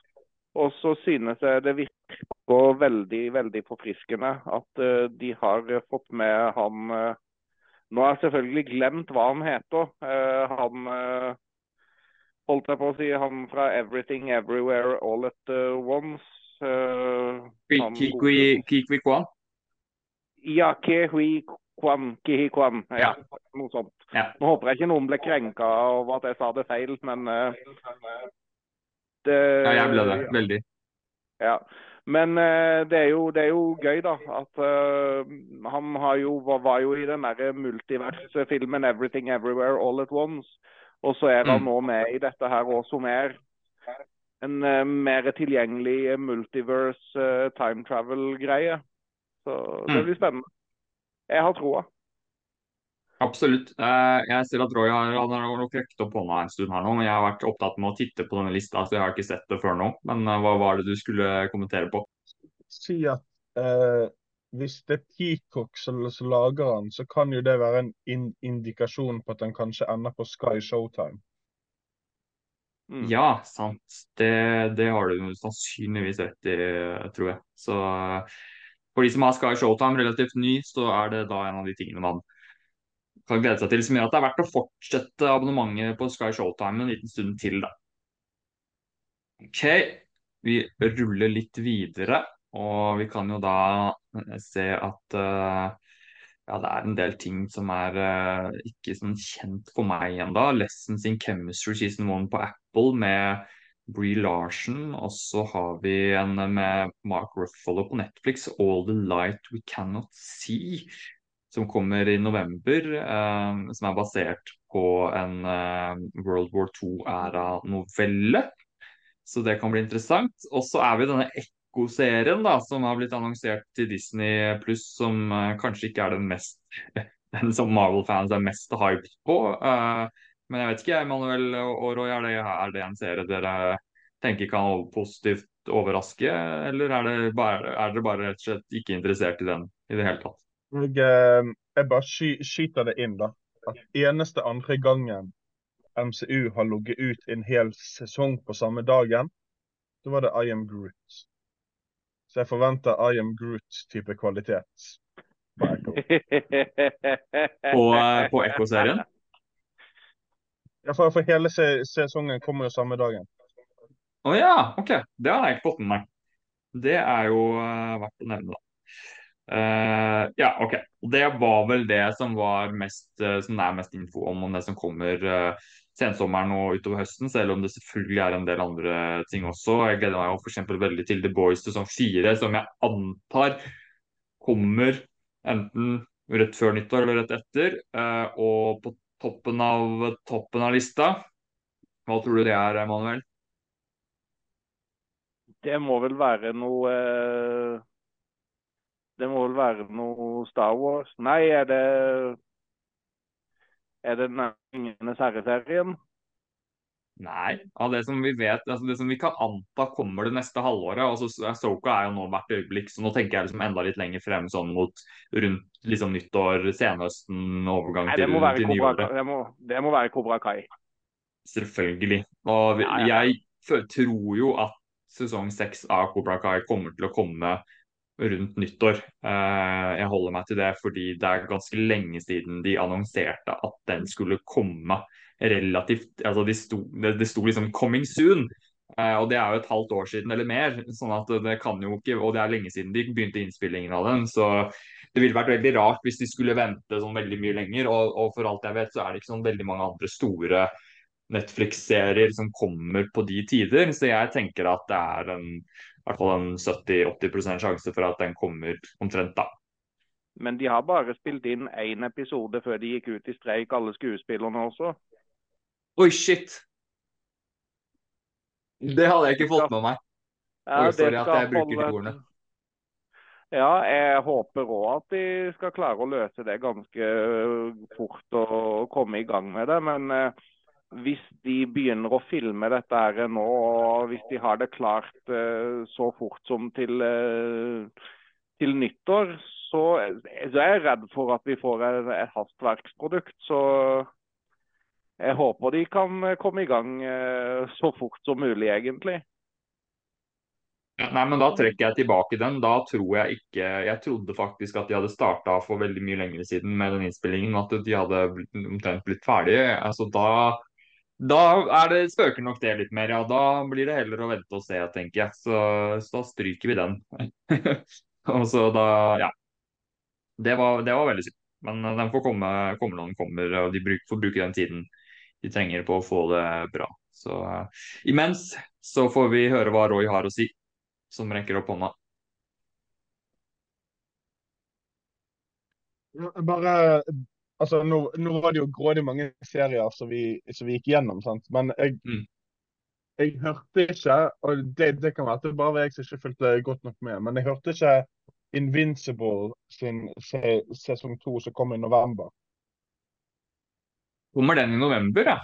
Ok, fordi den sto ikke på den eh, lista som jeg eh, brukte her fra Rotten Tomatoes, men eh, den fortjener jo absolutt Altså, jeg digga jo sesong én, og den er jo for alle comic fans en must see, Emanuel. Så hvis ikke du har sett den, så er det bare å kaste seg over. Sånn at det Ja, den er høyt på lista mi, altså. Eh, så den på, på, Amazon Prime, hvis man har sett The Boys og liker det, så er det veldig samme, samme vibes og en del av de samme skaperne bak eh, også, mener jeg husker. Så det er god serie, det.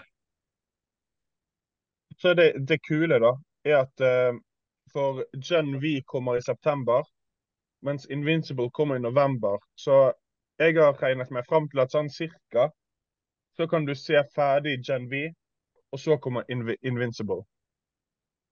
Ah, OK. Kult. Og så frem til, eh, frem til det så går Asoka-serien. Så da kommer jeg til å ha noe å glede meg til uh, hver eneste uke. Emanuel, du hadde ikke sett Invincible-sesong 1, hadde du det? Det har jeg ikke. Du, du, ser, du ser generelt litt, litt, sånn, litt lite TV-serier, du. Du har liksom full fokus på, på, filmer?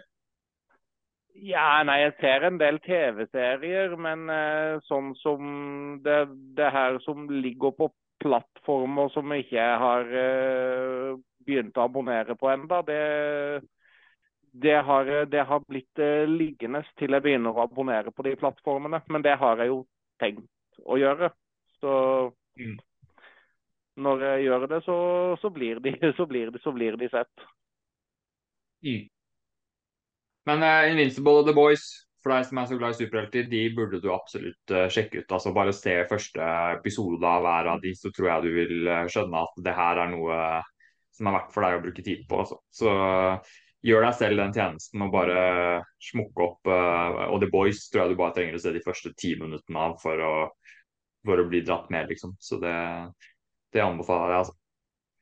Det, det er, du, du, får lekse av meg før, før nyttår en gang, så, så, må du prøve å se minst en av de eh, seriene. Ja, men det skal jeg få gjort. Det skal jeg få til. All right. Da har vi gått gjennom, brukt litt mer tid på streaming enn det vi pleier, men det er jo greit å gjøre en gang innimellom når det er såpass mye bra der ute. Selv om kino er prioriteten eh, til diskusjonene våre. Ok, Da lurer jeg på, eh, Emanuel, du har fått litt tid nå, men du har kanskje ikke rukket å tenke så mye over det. Eh, hva har du lyst til å ha som tema på 'Ringenes herre'. Har du tenkt noe mer på det, eller skal du få noen dager til?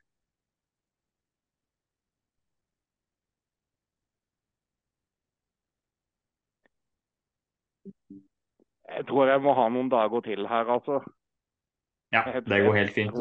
Og du trenger, ja. ikke, å, trenger ikke, å, være voldsomt uh, kreativ. Altså. Du kan gjøre det enkelt, liksom. Det, vi har ikke hatt så mye Vi har bare hatt to runder med Ringenes herre spesialprat, så det er mange, mange mange ting å, man kan velge å ta tak i der, både foran og bak kamera.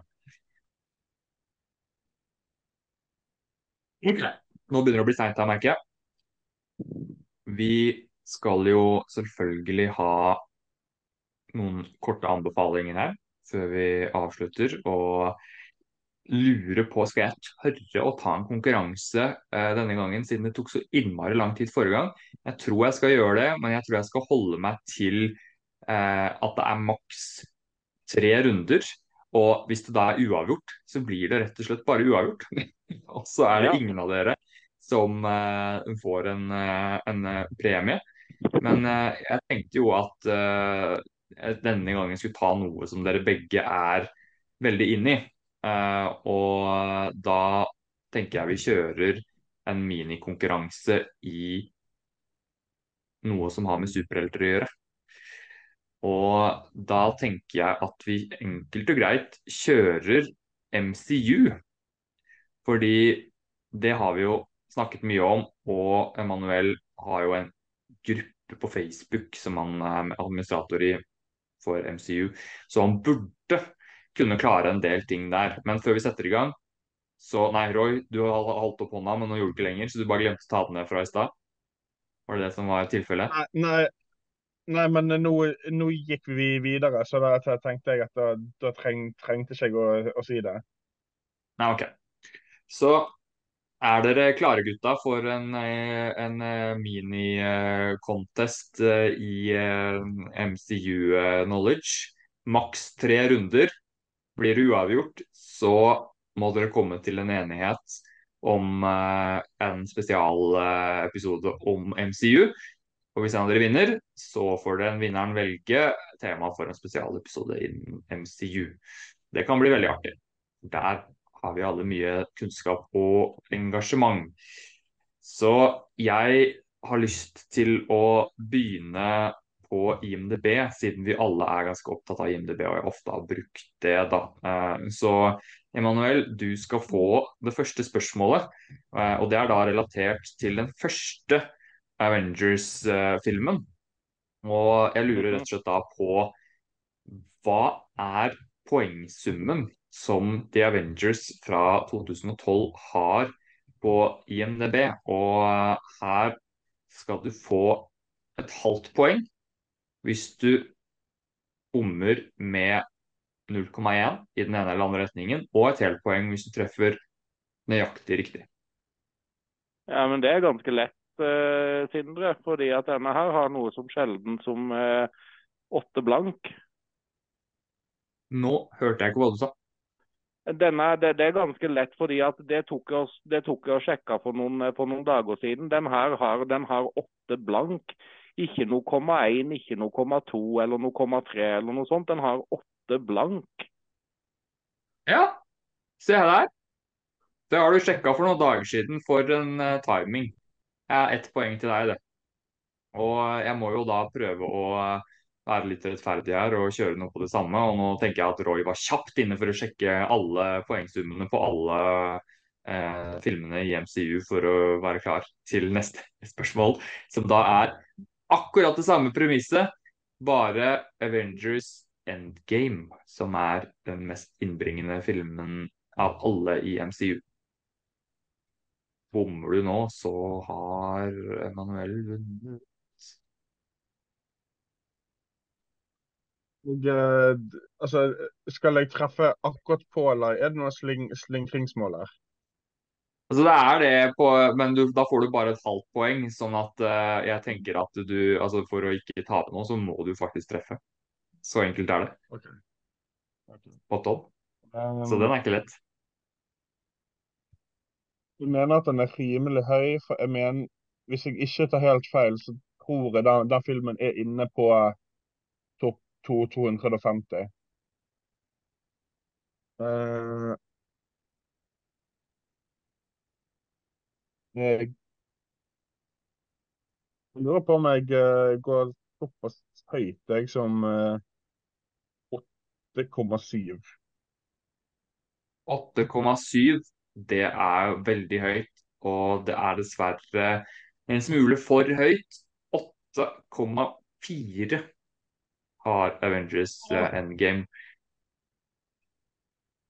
Så da ble det kort og brutalt denne gangen. Ikke noe seigpining som det var sist med 'Ringenes herre'. Emanuel har nettopp sjekka IMDb og går derfor av med seieren etter bare én runde.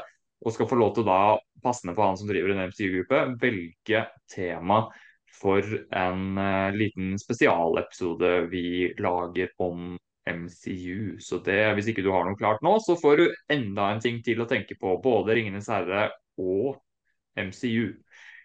Roy, du kan ikke vinne hver gang. Nå har du, nå har du måttet tåle å tape litt.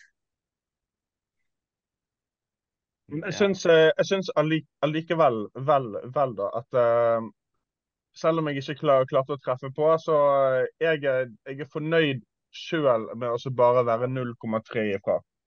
Ja, ja, ja. ja det var ikke, var ikke så gærent. Var ikke så gærent. Du, du, hadde riktig på at den var høy, og at den var inne på topp 250 i hvert fall. 8,7, da begynner man vel liksom å nærme seg de topp liksom 20-30 filmene, tror jeg. Også så høyt er det nå ikke, da. OK, da har vi fått unnagjort en liten konkurranse. Da fikk jeg tilfredsstilt det behovet. Eh, og så kjører vi litt grann eh, anbefalinger her også, som vi alltid gjør. Så hvem av dere er det som har lyst til å begynne der? Roy rekker opp hånda. Jeg, eh, før, jeg går på, på anbefalingene, eh, så vil jeg bare si at jeg har nå da sett de to første minuttene av Outlander. Og Ja, foreløpig, folkens, foreløpig så er det da altså følgende som har skjedd. Vi ser en dame som titter på vaser, og snakker om privilegiet å se på vaser. Kan hun ikke huske sist hun har hatt? Og i dette øyeblikket har hun bare lyst på å kjøpe en vase. Så er det flashback, for det viser seg at hun var sykepleier under krigen. Hun hjelper en soldat, og så kommer det en lege, ga, ga, ga, ganske frekt egentlig, og bare tar over. Det, det, er det vi har fått vite på de to eh, første minuttene. Uh, og det, det, første jeg vil trekke fram her, det er egentlig hvor sinnssykt mye du får vite på to minutter. Uh, og det, det, andre jeg vil trekke fram, er at det var ut, utrolig frekt av han legen, men vi må huske at dette her var un, under krigen. Uh, kvinnene hadde ikke uh, samme likestilling som menn på denne tiden. Så at legen bare kommer og tar over når hun har gjort alt arbeidet, det er helt på sin plass. Fantastisk, Roy. Fantastisk. Og du klarer å gjøre så mye på de to minuttene der. Da lurer jeg på hvor mye du har å si når du har sett en hel sesong, som uh, du har gjort om noen år. om fem-seks fem, år, eller kanskje mer enn det til og med. Så da er jeg spent på liksom, Hvis du nå tar ett minutt i uka, så er du vel ferdig med første episode om, ja, om et år, da, eh, cirka. Så da blir det jo da et år per episode. Så da, vel, da snakker vi vel fort, jeg vet ikke hvor mange episoder det er, men da blir det jo i hvert fall en, uh, ti, mellom 10 og 20 år til uh, du kan dømme den første sesongen. Så hvis vi fortsatt holder på da, da har vi gjort noe riktig med podkasten og, og, kanalen vår. Men skal vi Som sagt, vi må jo selvfølgelig ha anbefalinger denne gangen også. Og vi ser jo så mye og har oversikt over så mye, så vi går aldri tom for ting å anbefale. Roy, du hadde både en film og en serie å anbefale i dag. Ja, jeg har uh, sett en film på, uh, på Sky Show, Showtime. Uh, to timer etter hver kvarter. den heter The Northman. Og hvis jeg bare sånn kjapt nå skal, skal advare folk, da ikke se han med dagslys i nærheten, for det er veldig mørke scener i, i denne filmen. Jeg, eh, jeg, så han sånn delvis med, med, mens jeg satt på bussen. og det var sånn at Jeg måtte endre seter på bussen for at dagslyset utenfra ikke skulle ødelegge for skjermen. og sånn. Eh, så hvis du kan finne deg et mørkt rom, så er nok det det beste å, å, å, se han i. Så er han jo eh, veldig Jeg vil si kanskje litt treig i starten. Eh, og så blir han bare kulere og kulere jo lenger ut i, i filmen du, du, kommer, da. Men det, det, er jo en fordel hvis du liker litt sånn viking og norrøn mytologi og, og, de tingene der. Ja, ja, jeg så den jo på kino, som var en veldig kul uh, visuell ja. opplevelse. Litt sær film, uh, absolutt, så du skal vite hva det går til. Men uh, absolutt en, eh, en verdig eh, anbefaling. Som, eh, en film som har veldig mange gode, gode skuespillere og veldig bra, bra håndverk av regissøren. OK, serien da? Serien som vi skal til, den heter I blanke messingen og ligger på Disney pluss. For nå har jeg sett den ferdig premisset her er at de har laget eh, episoder med, med, karakterene fra filmen fra 90-tallet. Og så bare møter du det igjen da, eh, 25-30 år seinere. Og det her er et premiss som jeg kjente når jeg så den, at det her kunne funket for veldig, veldig mange eh, gamle fi, fil, filmer. da. For det er ikke sånn at de forsøker å gjøre samme tingen om igjen i, i serien som i, i, filmen, og forsøker på et comeback der. Men istedenfor så er det mer at det er uh, han, han, ene er blitt uføretrygdet. Hvor, hvordan fungerer det i, i nåtidens Stor, Storbritannia?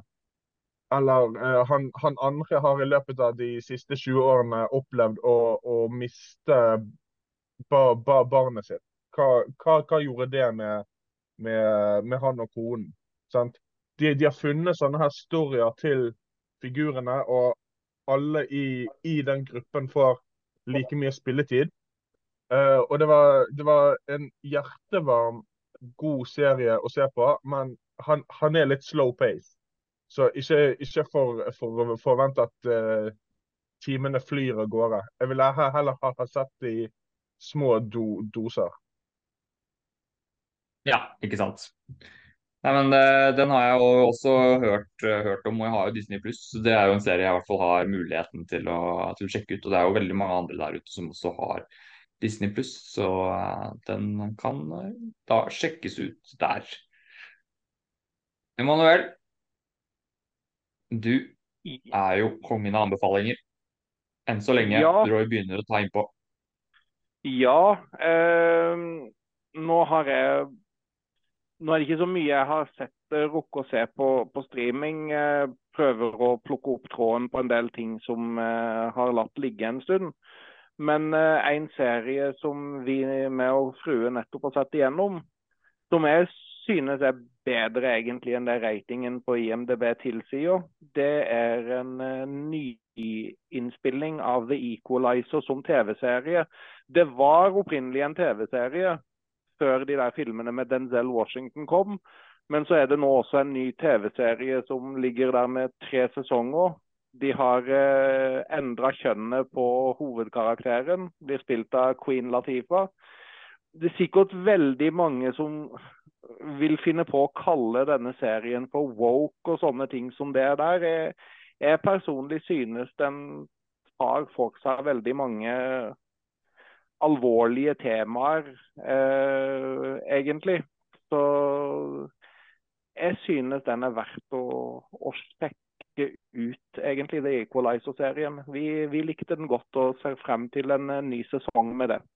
Men selvfølgelig, hvis du forventer at det skal være like bra som filmene med Denzel Washington, så blir du nok skuffa. For det, det, er et lite stykke unna. Men verdt å se, synes jeg.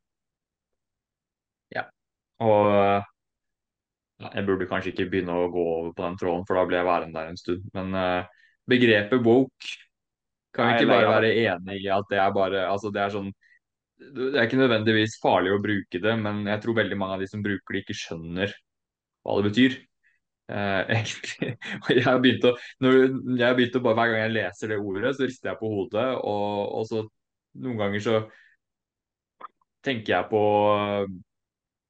Ja, altså Obama brukte det, så det kom jo fra han. Men hvis du hadde spurt liksom hans, hva han mente med det, kontra folk, hvordan folk bruker det i dag, så er det bare Ja, nei. Det tar, Med en gang folk begynner å bruke det som en sånn seriøst ord, så blir jeg veldig sånn skeptisk til om jeg kan ta de seriøst eller ikke. da. Og, og jeg syns også det er veldig sånn Når man møter folk som bruker det som en sånn selvfølge, så føler jeg at det blir veldig sånn forutinntatt at andre er enig i at woke er noe som er en greie og noe som er et problem. Altså Man bruker, man bruker det som en sånn negativ greie med at ja, men den serien er jo så woke, ikke sant. Så det er jo bare Det er jo det er en dårlig serie fordi den er så woke. Altså, det er greit å kunne diskutere sånne ting med diversity og fra et sånn reflektert perspektiv, men det blir vel en sånn merkelapp-ting som gjør at man bare kan skyve ting unna. da, som man sånn veldig sånn, Dette er jo bare woke, så det er garbage. så Woke garbage, som mange bruker. så det, det blir en eh, for, forenkling og en veldig sånn hersketeknikk som uh, mange bruker, som bare er uh, veldig uintelligent og veldig lite reflektert. Så for de som hører på som eventuelt bruker det som en greie, ta og reflektere litt over hva det egentlig betyr og hvorfor du bruker det. Uh, jeg skjønner greia med at man tenker at ok, det handler om at noen prøver å bruke underholdning som en måte å, å fremme sosiale ideologier på. Jeg, jeg, skjønner den tankegangen bak det, men, men, det handler egentlig bare om bevissthet. Det var sånn Obama brukte det utgangspunktet. Bevissthet rundt eh, ting som er eh, problemer eller forskjeller. Og det har alltid film og underholdning og litteratur og sånn har alltid vært en refleksjon av samfunnet. Og det å forvente at de ikke skal til en viss grad ta tak i de tingene som er aktuelt i samfunnet, I tillegg til at de som jobber bak kamera skal også følge med i tiden og late som at man fortsatt er på 70-tallet eller 50-tallet, det er jo idiotisk. Så legg den woke-ballen død, er dere greie, og så kan vi prøve Ja, å late som at uh, vi er i 2023, fordi det er vi faktisk. OK, nok om det. Manuel, Ja. har du mer, eller var det den?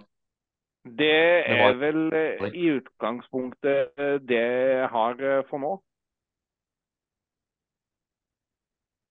Ja, da kommer jeg med min, og jeg, vi har vært litt inne på det tidligere i dag, og også kobla litt til den anbefalingen som jeg kom med forrige uke med The Boys. Samme skaperne, i hvert fall noen av de, har også vært involvert i Invincible, som vi var inne på i stad, kommer sesong to. Så min anbefaling er rett og slett den første sesongen av Invincible på Amazon Prime, som var en av de store gledelige overraskelsene det året den kom. Som jeg nevnte jo litt hva som var bra med den serien i stad, så jeg trenger ikke å repetere det altfor mye. Men hvis man i det hele tatt er interessert i noe som har med superhelter å gjøre, så er den veldig god. Og hvis man i utgangspunktet er litt lei av det som er standard Marvel DC, så er både The Boys og Invincible ekstremt gode serier, sånn helt uavhengig av at det er superhelter. De er såpass annerledes og rett og slett god historiefortelling blandet inn med litt samfunnskritikk og blodsprut. Så det er mange, mange lag man kan kose seg med i begge de seriene. Roy, vi avslutter med at du rekker opp hånda nok en gang. Jeg, jeg, jeg vil også bare skyte inn at det, det var enten i juni eller juli eh, nå, nå i år da, at, eh, at de også lå til en, eh, en eh, Adam Eve eh, spesial til In Invincible, eh, som inn på Am Amazon Prime står det at det er det første episoden i se sesong to. Men det, det er på en måte en sånn standalone spesial som de har lagd, som man kan se. Ok, kult. Det visste jeg faktisk ikke. Greit, da er vi vel kanskje ferdig for i dag, selv om jeg syns det er så koselig å sitte her at jeg eh, kunne holdt på hele, hele kvelden, jeg. Ja. Men uh, OK. Nei, men Roy rekker opp hånda enda en gang, jo. Bra. Det har jeg jo ikke egentlig lyst til å avslutte, jeg, så fortsett.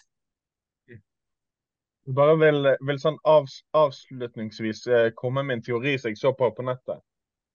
Ja. Hva hvis, hva hvis uh, Will Ferrell som CEO-en i, i, i, Barbie er samme rollen som faren i Lego-filmen?